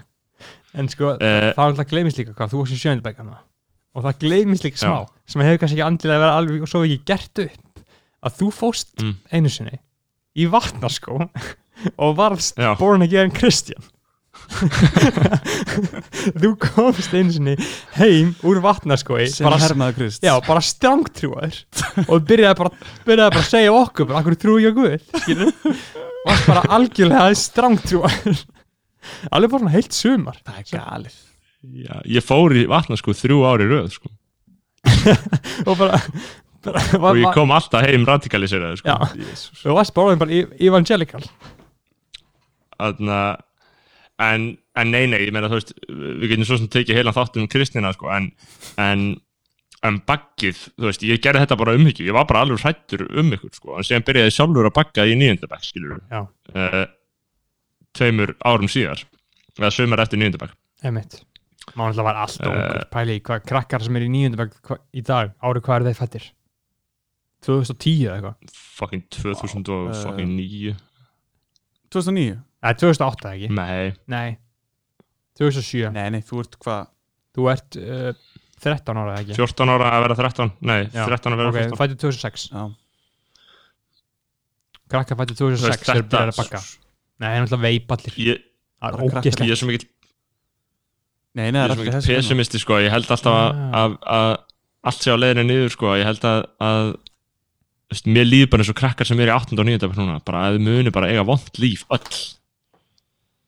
það er minnst heiminn svo hættulegu staður sko, en það er alltaf bara einhver, einhver della sko.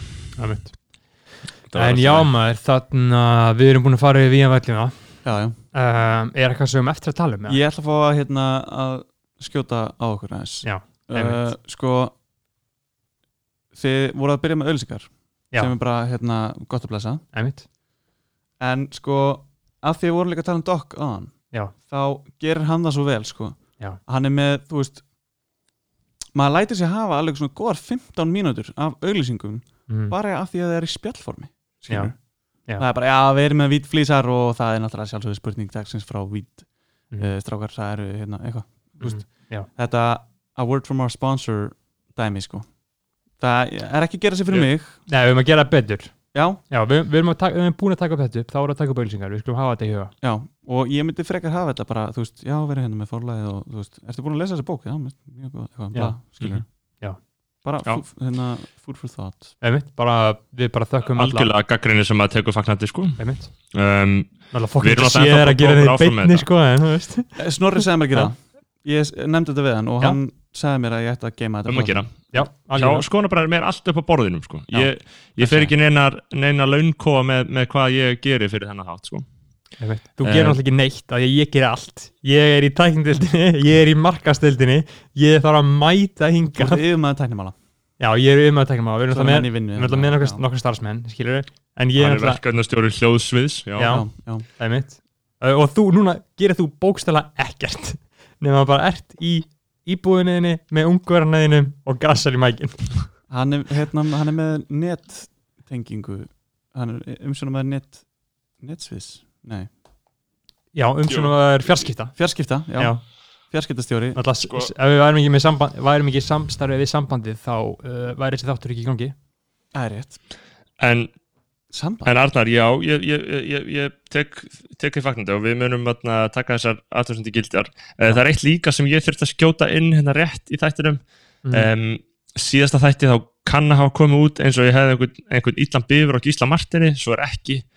Mm. mm, ég stiðan uh, pólitíst pólitíst finnst mér hann allt í lagi og hann væri betri í borginni er en þú veist, Já, Gísli Hildur Björns og Eithar Arnalds. Sko, mm, já, ætlaði ekki að taka hérna að því að það er í, einmitt í doktorfútból líka þá er Ask Mike sko og þeir eru Mm. búin að setja inn hérna Mhm. Ask Já, Ísland, sko. auðvitað, það er auðvitað alveg ímislegt sem við erum eftir að fara eftir sko. Já, auðvitað, við sig. eftir að na, fara hérna í uh, Þeir sem eru ekki í uh, skoðana bræðarlægin á Facebook Þeir eru að missa miklu Það er stemmingan inni uh, Við erum bara með 360 meðlimi sem er mjög skrítið því það er hvað, einn þúsundasti af 360 manna mm. skoðana bræðarlæginu sem Já, hlusta á já. þátt einmitt, Hlusta töluðum eh, okkar það er alltaf mjög, mjög lítið hluti af þeim sem hlusta á hvert þátt sko. en þarna, um að gera að fara í skoðan að bræðra lagið Já. á Facebook þar En við, getur þið kommentað, spurt, postað myndum postað mýmum, postað tippamyndum já, djúvel væri ég til að fá grjótara tippamynd inn á skoðanabræðarlegið já, já um, um, Herru, við erum náttúrulega það- spurningar hérna Við glemdum að fara yfir þær Förum við það núna uh, Arnar. Uh, Young Nazareth Einnig kallað Lil Nazareth. Já, uh, aldrei kallaði það. Eða jú, einu sinni kallaði það. Jú, DFF í DF einmitt. uh, Eftir að þú stalst læginu frá Ástralíu Þú var svona mjög exposaður með það. Nýja Sjálandi. Já, Nýja já. einmitt. Gæði hefur eitthvað Þú getur ekkert afsakað það Þú bara, þetta er bara þjófn með þér Nei, sko, mér finnst best eh, þetta lag er náttúrulega ekki stólið en mér finnst þú sko, það ég segi það af því að ég hef bara bókstala aldrei heyrt þetta lag á ævinni sko, Einmitt. Þegar hérna, ég heyrði það hana um daginn. En mér finnst bara svo gott eitthvað af því að það lag kom út í hvað uh, aprílega, Ég veit það ekki. Já, ég held það. Enginn eins og þú. Nei, Lagið ykkar, hérna hitt, hitt lagið. Já. og enginn sem þú kemur út í júni skilur og Mhm. það tekur að minnsta kosti þrjára vikur ef ekki fjórar að setja það bara á Spotify skilur Já. mér finnst bara svo geðveikt að fólk ha- haldi bara að, Einmitt að við höfum verið bara, herru þetta er geðveikt lag, við höfum að gera svona lag eitthvað, og höfum bara nelt í eitt lag mm og bara bombaði einn á Spotify bara Einmitt Þess, það bara virkar ekki þannig sko. Nei, virkar ekki alveg Nei. Ekki alveg mm, um, Varstu búin að bera fram einhverja spurningu? eða? Nei, nei, við vorum bara að tala um þjófnaðina og ásaka um þjófnað Já, Lil Nasa, ok En Lil Nasa, er. GTRN platan tilbúin? uh, hún er tilbúin, já Hún er tilbúin Já. Og Það er heil spikfeit GTRN plata tilbúin. Einmitt. Mörg lög. Mörglög, hvers mörglög Vá. Máttu gefa það? uh, já, já, tíu lög. Tíu lög? Já, Öll góð? Allt góð, léleg. Hvernig kemur þetta helvit út? uh, uh, þetta kemur út uh, við erum að stefna á lok februar held ég.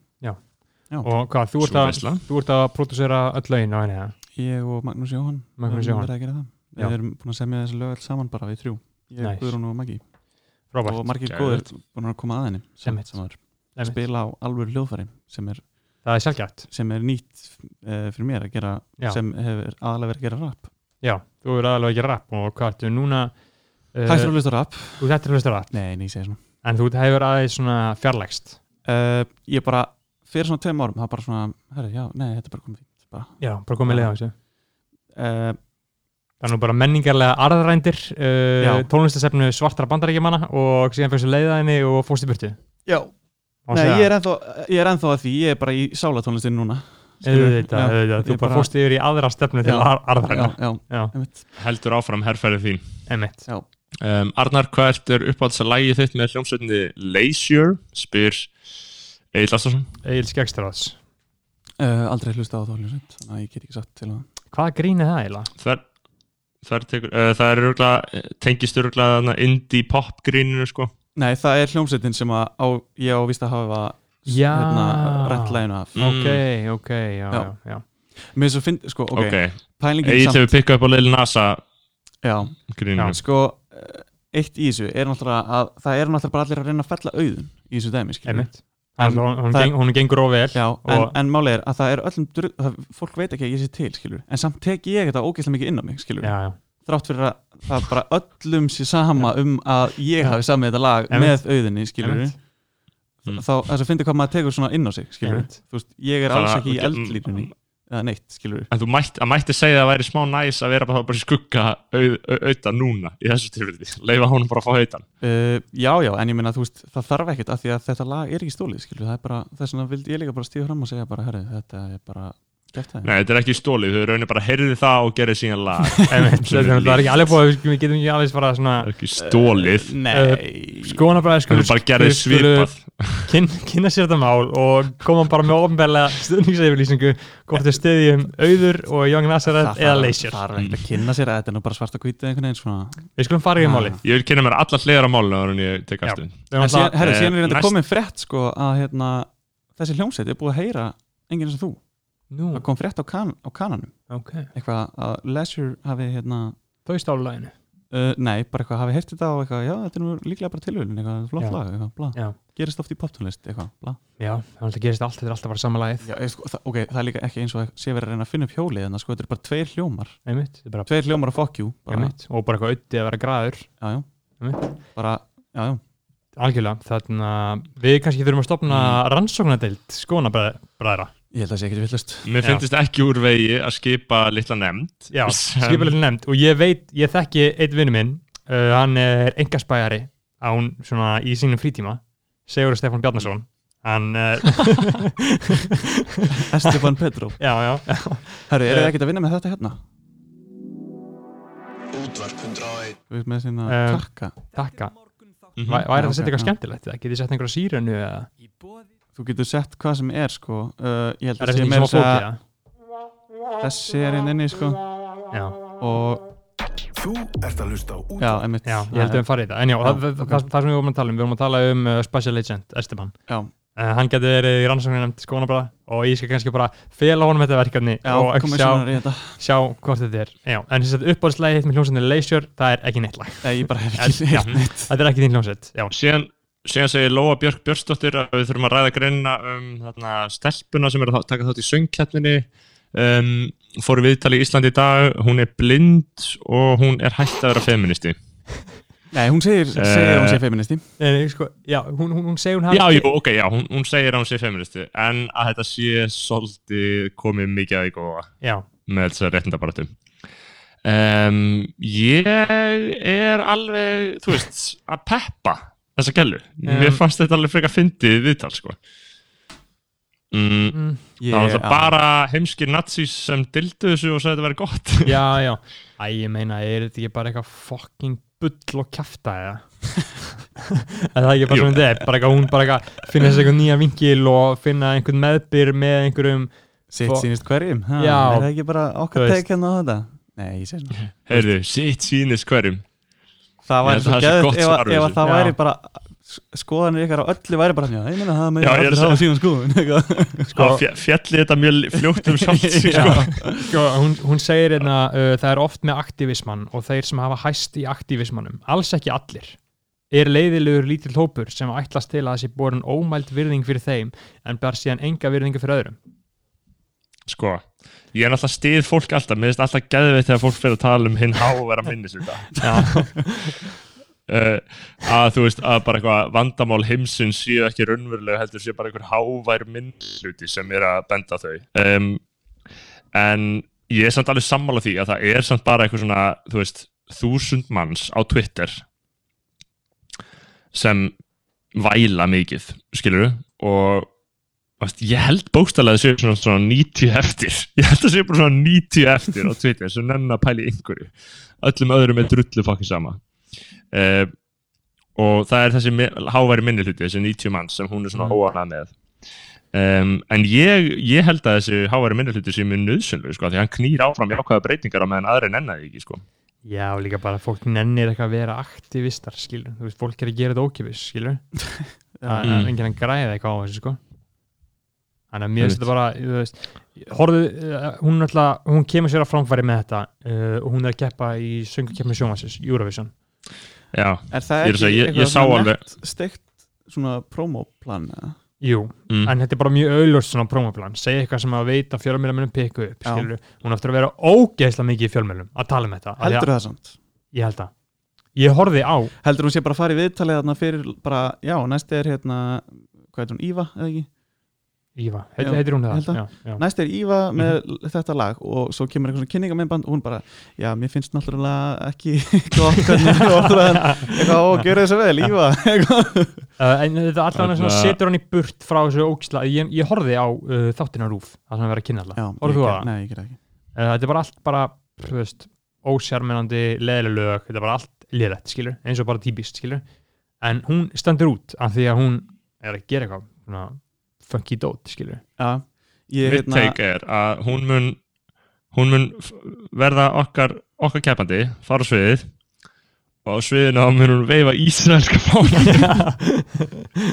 Ég heyrði sko einmitt frá einhverjum sem var úr hérna, var í valnefndinni fyrir þetta sko mm. veist sem var að velja launin í kjarna að það hafi svona þetta lag hafi verið eitthvað svona já, þetta er svolítið skrítið, eitthvað, veljum þetta bara, Mm. Já, pottet, sko, menn þetta er bara allt og síðan eru Jói P. Króli með eitthvað lag líka heyrðu með lag hana Já, en þeir eru ekki að, What? þeir eru ekki að performa. Nei, Nei, ok, Þeir- þeir, þeir þeir, þeir eru bara að syng- semja. Já, eða ekki góðstarið, þessi bara semtu það.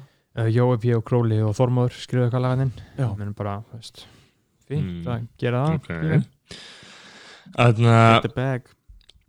Haldið að fá eitthvað borga fyrir En Íva, jú, jú, ok Ah, bara, Já, já, Sterkt ég, og eitthvað. ég bara segja áfram Íva.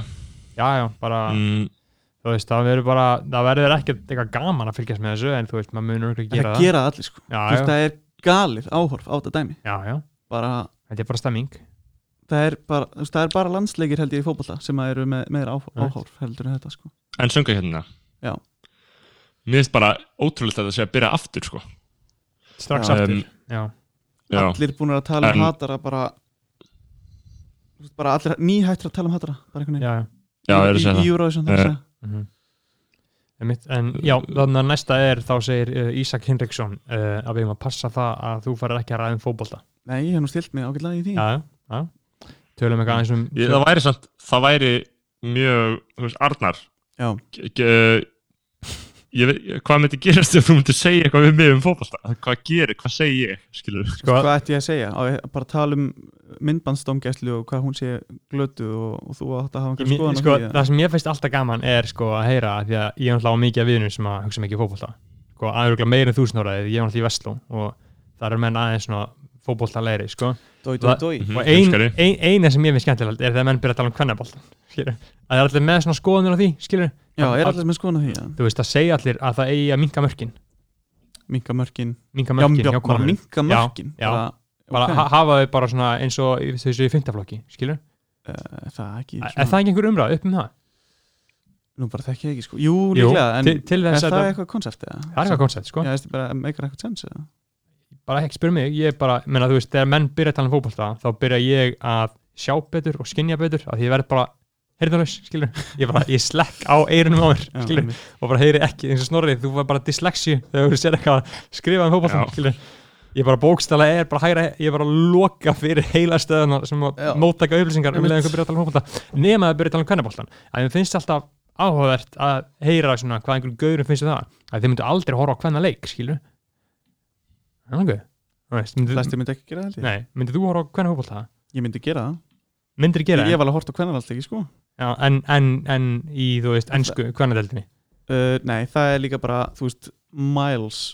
Sko, veist, við erum að tala um það að mæta svona cirka 500 manns á leiki í ennsku kvennaboltanum þetta er bara á eitthvað svona, Já. nánast bara Þegar maður horfir á eitthvað útsendingar Þú veist, Mhm. maður fæst um á Twitter Eitthvað svona Já. Liverpool kvennaliðið Já. eitthvað Og þá sér maður bara að þetta er eins og þetta sé bara á einhverju bílastæði sko. Þú veist, þetta er bara mjög sorglegt sko. Já. En, þú veist, þetta er bara staðan skilur, og ég veit ekki kannski ef það væri einhver meira umræða þá myndi maður horfa meira ég, ég bara veit það ekki skilur. Einmitt, en náttúrulega, þú ert svona, þú náttúrulega spilar uh, til er svona báðum kúltúrum, skilur uh, ég, við kom, skoðanabæði komast þessi klandur, í sumar, þegar að maður létt einhver orð falla um á, hvað um, allir fótboltamenn höfðu konur var já, rast já, einmitt, já. Já. þú komst með það já, og það uh, var hérna Hörður Snævar frendiðin sem að já, pikkaði pe- það upp. já.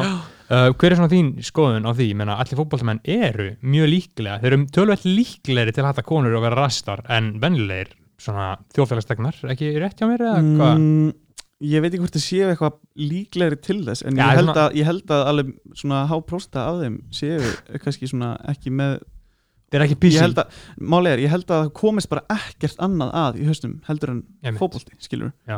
og þá er það bara eitthvað sem þeim er kent heima sem að gildir bara Já. út allt lífið Mhm. skilur, það er ekki verið að nú er ég bara að segja eitthvað já, sko. já, en þú veist, ég meina kannski er bara eitthvað menn bara ekki með skoðanir á hlutum af því að Mhm. það er bara það, þeir þurfi ekki að pæli einmitt, þeir þurfa ekki að pæli, þeir fá það er bara með dokk Bara- í eirunum þeir eru með dokki, eða, og þeir líka bara atvinnumenn í fótbolta mm eru bara með svífirðilegar upphæðir á Já. viku sko. -hmm.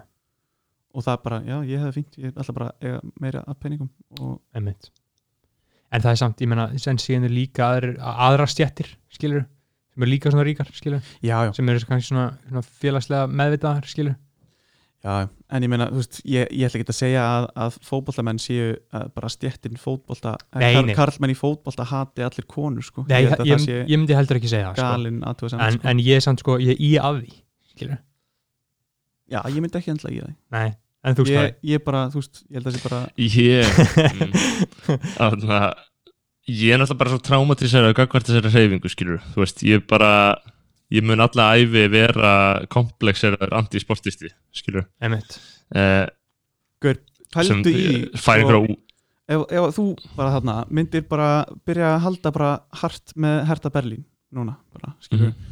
og það er bara í janúar að það er bara allt umulegt það bara, þú bara hata lífið og þú mætir á einn Hertha Berlín leik þeim gengur gett vel og þú fær bara smá fyllingu í, í lífið, skilur það er bara Mhm. smá auka einhvern veginn krem á Einmitt. lífið þitt Það er, það er Það er bara fínt, sko. eins og í vísindaskáldsögu að, ég- að mér myndi líða þannig. Skilur, ég Já, en ég er ekki að segja, skilur, það er alveg hérna, eitthvað sem Já, fólk ég er að er að ég leita sé- í, ég sé eitthvað hvað er dopamín og, algjörlega, Þetta er sko. góð veistla já, já, ég get og, ég, líka bara eitthvað svona fólk sem að færa til er einhverju samfélagi, skilur ég. algjörlega, ég held að það sé að máli, sko. Ég meina, ég, ég, bara hitt eitthvað lið, bara eitthvað svona ég er kannski með vini mínum og fyrir að hitta vini vina mína. Og það bara, byrju, já, þú ert púlari já, Já. ok, og þá bara, herru, fyrir að tala um skilur, þetta er svo galið Já. en bara, Já, já, maður ok, eignast vini bara í gegnum já, þetta, sko. bara respect Já. ég meina, já, uh, þannig ég svona geri mína, ég sagðist í að því, ég segi kannski að ég myndi í að því að ég myndi telja líklega að það væri meira um svona, þú veist.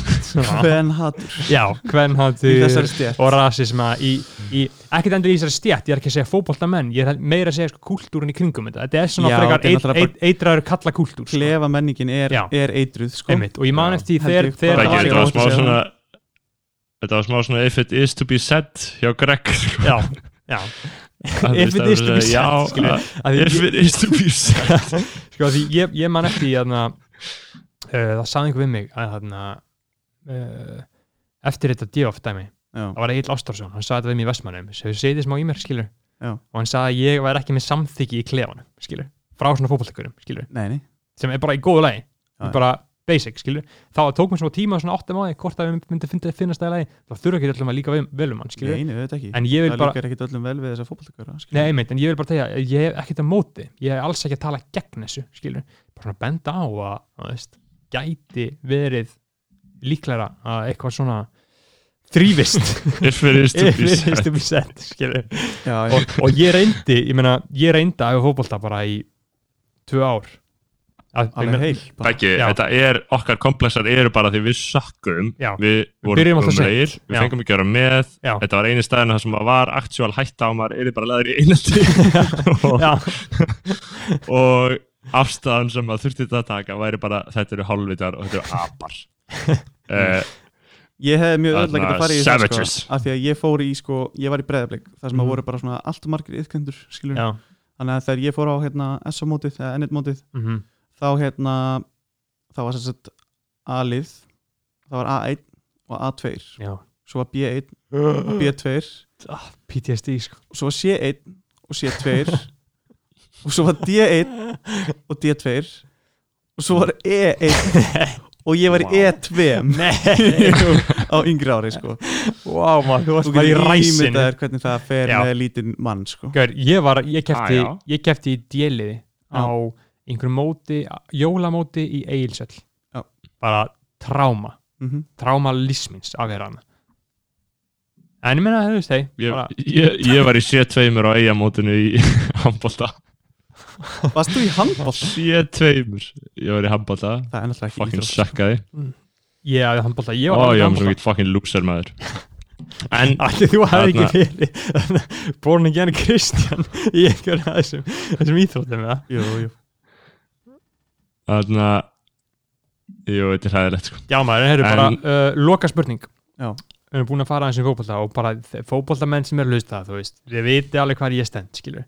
Ég held með KR, ég held með Dijon í frönsku og síðan held ég með einhver öðru liða, nei veit ekki alveg Þetta er með Manchester United skilur Nei, ég held ekki með neinu svoleiðis Jú, ég held með Leeds Mm. kannski, Já, það er Mm. svona það er Já. fínt það er fínt, og Máni Péturs Armageddon King Já. Heru, það er náttúrulega gleymi sko, þegar hún tala um áðan Eurovision þess að Frosti Loga náttúrulega skil- tók þetta viðtal við hann Já, einmitt það kemur Já, ég er að segja. Frosti, mér finnst hann vera að koma góður inn Er hann góð- hættur í sterkur inn í? Íslandi í dag. Ekki hugmynd sko. Nei, já, ég held það, hann er ekki búin að vera það lengi. Það er, það er gæla með honum hinnum hann. Um, hún á nafn. mm, Ég veit að, ég veit Já. að ég, ég hef bara ekki tjekka hvað hún, ég bara man að það var einhver við bara þurfum ekki að veita það. Um, en, uh, ég, Og en við förum yfir í lokaspurninguna Já, endilega lokaspurninguna frá uh, Aron Kristín Jónasson um, ef þú væri með geggjað skeggrót Já. bara alveg full beard skeggrót hvernig skeggklippingu myndir þú sporta? Shit, maður Ég veit ekki ég, Jú, ég held ég myndi bara vera með eitthvað svona frekar svona, svona half clean cut sko. Mhm. bara svona ekkert of sítt Já, ekki eitthvað svona síkopata vel snirt skilur einmitt. Ekki eitthvað svona alveg bara skarpar línur skilur bara eitthvað góða Nei, Myndir tilkja bara vera Sigmund Da- Sigmund Davíð Eitthvað svona Sigmundur Davíð. Sigmundur Davíð þegar hann var að kalla sig hérna, uh, hérna skipulashæfræðing þá var hann að finna með fucking vondarót sko. sem bara svipa og ég er með að- núna sko. Sigmundur Davíð, mér finnst hann að þetta sko uh, frekar mikið style icon sko nei, Jú, nei. Jú, drippindu Davíð. Hann, svona, þú veist. Hann er alveg með ágætist Shit, stæming nei, gangi ég, sko. var, ég, da- ég datt á hvernig YouTube-brúnt í gæðir og hérna og var ói ha, Það er bara YouTube-rúndurinn þessi góður. Já, og þá Þannig að kom hann Ég þekki þetta. þá kom uh, viðtalið við Sigmund Davíð í sunnundasmotni hjá Gísla Martini. Mm. þegar hann situr bara ekki á sófanum þegar hann bara á sófabrúninni hann og Oh. hendur í mm hvað segir hann, þú stóðst þig vel að sína að sanna að þú væri ekki að tala fyrir ríkistjórnuna sko, Magnað sko. Það, það er náttúrulega þarf aðeins að uh, fara að skoða það, ég meina, voru þeir ekki alveg sömu stellingum, náttúrulega Öddi tónlistamæðurinn auður, gerði garðin fræk Já, hjá. Gísla ég veit það líka. þeir, þú veist, þeir sátu eins eða ekki? Gísli Martin og Eh, hvar? Jú, ég veit þeir- alveg, sátu svona móti hver öðru, mjög nálægt. Æst, þeir voru bara, það voru, það voru kannski svona 30 cm á milli andlina þeirra sko. Mhm. Þeir sátu í, í pyntingastólum að skýsla sko. Já. Þannig að kommentin fyrir neðan svo góð bara djöfull er skí, hennar gísli mikil skítæll eitthvað. Það er mjög fyndið hvað kommentafólki og Rúf hatar lovers. Gísli Martin. Já, vonda fólki virkilega Já, hata Gísla já, Martin já sko. samt Af því að hann bara dyrfist til þess að benda á já, að fucking bílar séu stúpid. Já, já,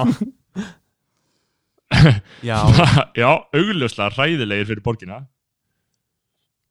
Við ætlum ekki að fara til það nú nei, nei en þarna, Nei. við erum bara búnir að fara yfir allt. Uh, við erum búin að svífara fótboltamenn, við ég vorum smá stressaður við því. Við erum Uh, ekkert búin að því Nei, þannig, var Nei, ég nei. nokkuð eitthvað of, eitthvað ég ætla alltaf að taka það fram að ég ætla ekki að vera að taka undir þessi orð þín hann á, á fjórum, þreim, þreim Þegar Sem í, að einhverju. Já, ég er ég- ég- ég búin að ég taka það tilbaka. Var að tekið úr samhengi? Það var tekið úr samingi Var það? Já, já, það var tekið úr samingi að bara sendum við, mm. hérna, það á Hörð Einmitt. Snævar. Ha, og, líka skemmtilega við að sko, innan fótbollar samfélagsins var þessi síða ekki vel liðin. 4-3-3 já, Þú veist, hún er talin vera drasl. hún er lesin en hún er náttúrulega bara inn á DFF þannig að allar fyrirsagnir eru clickbait skilur já, einmitt. Það er bara, En þú munt aldrei trúa hvað já, þessi sagði eftir leik hvað bara, við stóðum okkur vel og núna kemur bara djöfa 4-3 bara Lil Nazareth segi fótboltamenn. Uh, nei, ég gerði það ekki. Uh, og ef það kom fram þá ég uh, kom þannig út að og ætla ég að taka það tilbaka Mm, já, mér erst þú allan að í að því En ok. Já, já, þarna- þú bara þú bara ráði því. En já maður, Nei, nei, auðvitað, auðvitað bara reynum við að vera hérna í ágætlega farsælu samstarfi við íþjóttarhefinguna Einmitt. um, þetta er búið að lengst til skonabæra þáttur fyrir, fyrir og síðan er það ekki? Jú. þetta er, Er þetta svona langt? uh, við erum búin að vera í tvo klukkutíma. en það er í góð leið wow. bara bræðarlæð Ok. uh, Já, þetta. takk kærlega fyrir að takk fyrir koma. komuna. Já, mínu um, Þarna uh, virkilega ánægilegt spjall sem við náðum minna að held að hafa. Ég vil minna sko. þá sem er að Já, hlusta já.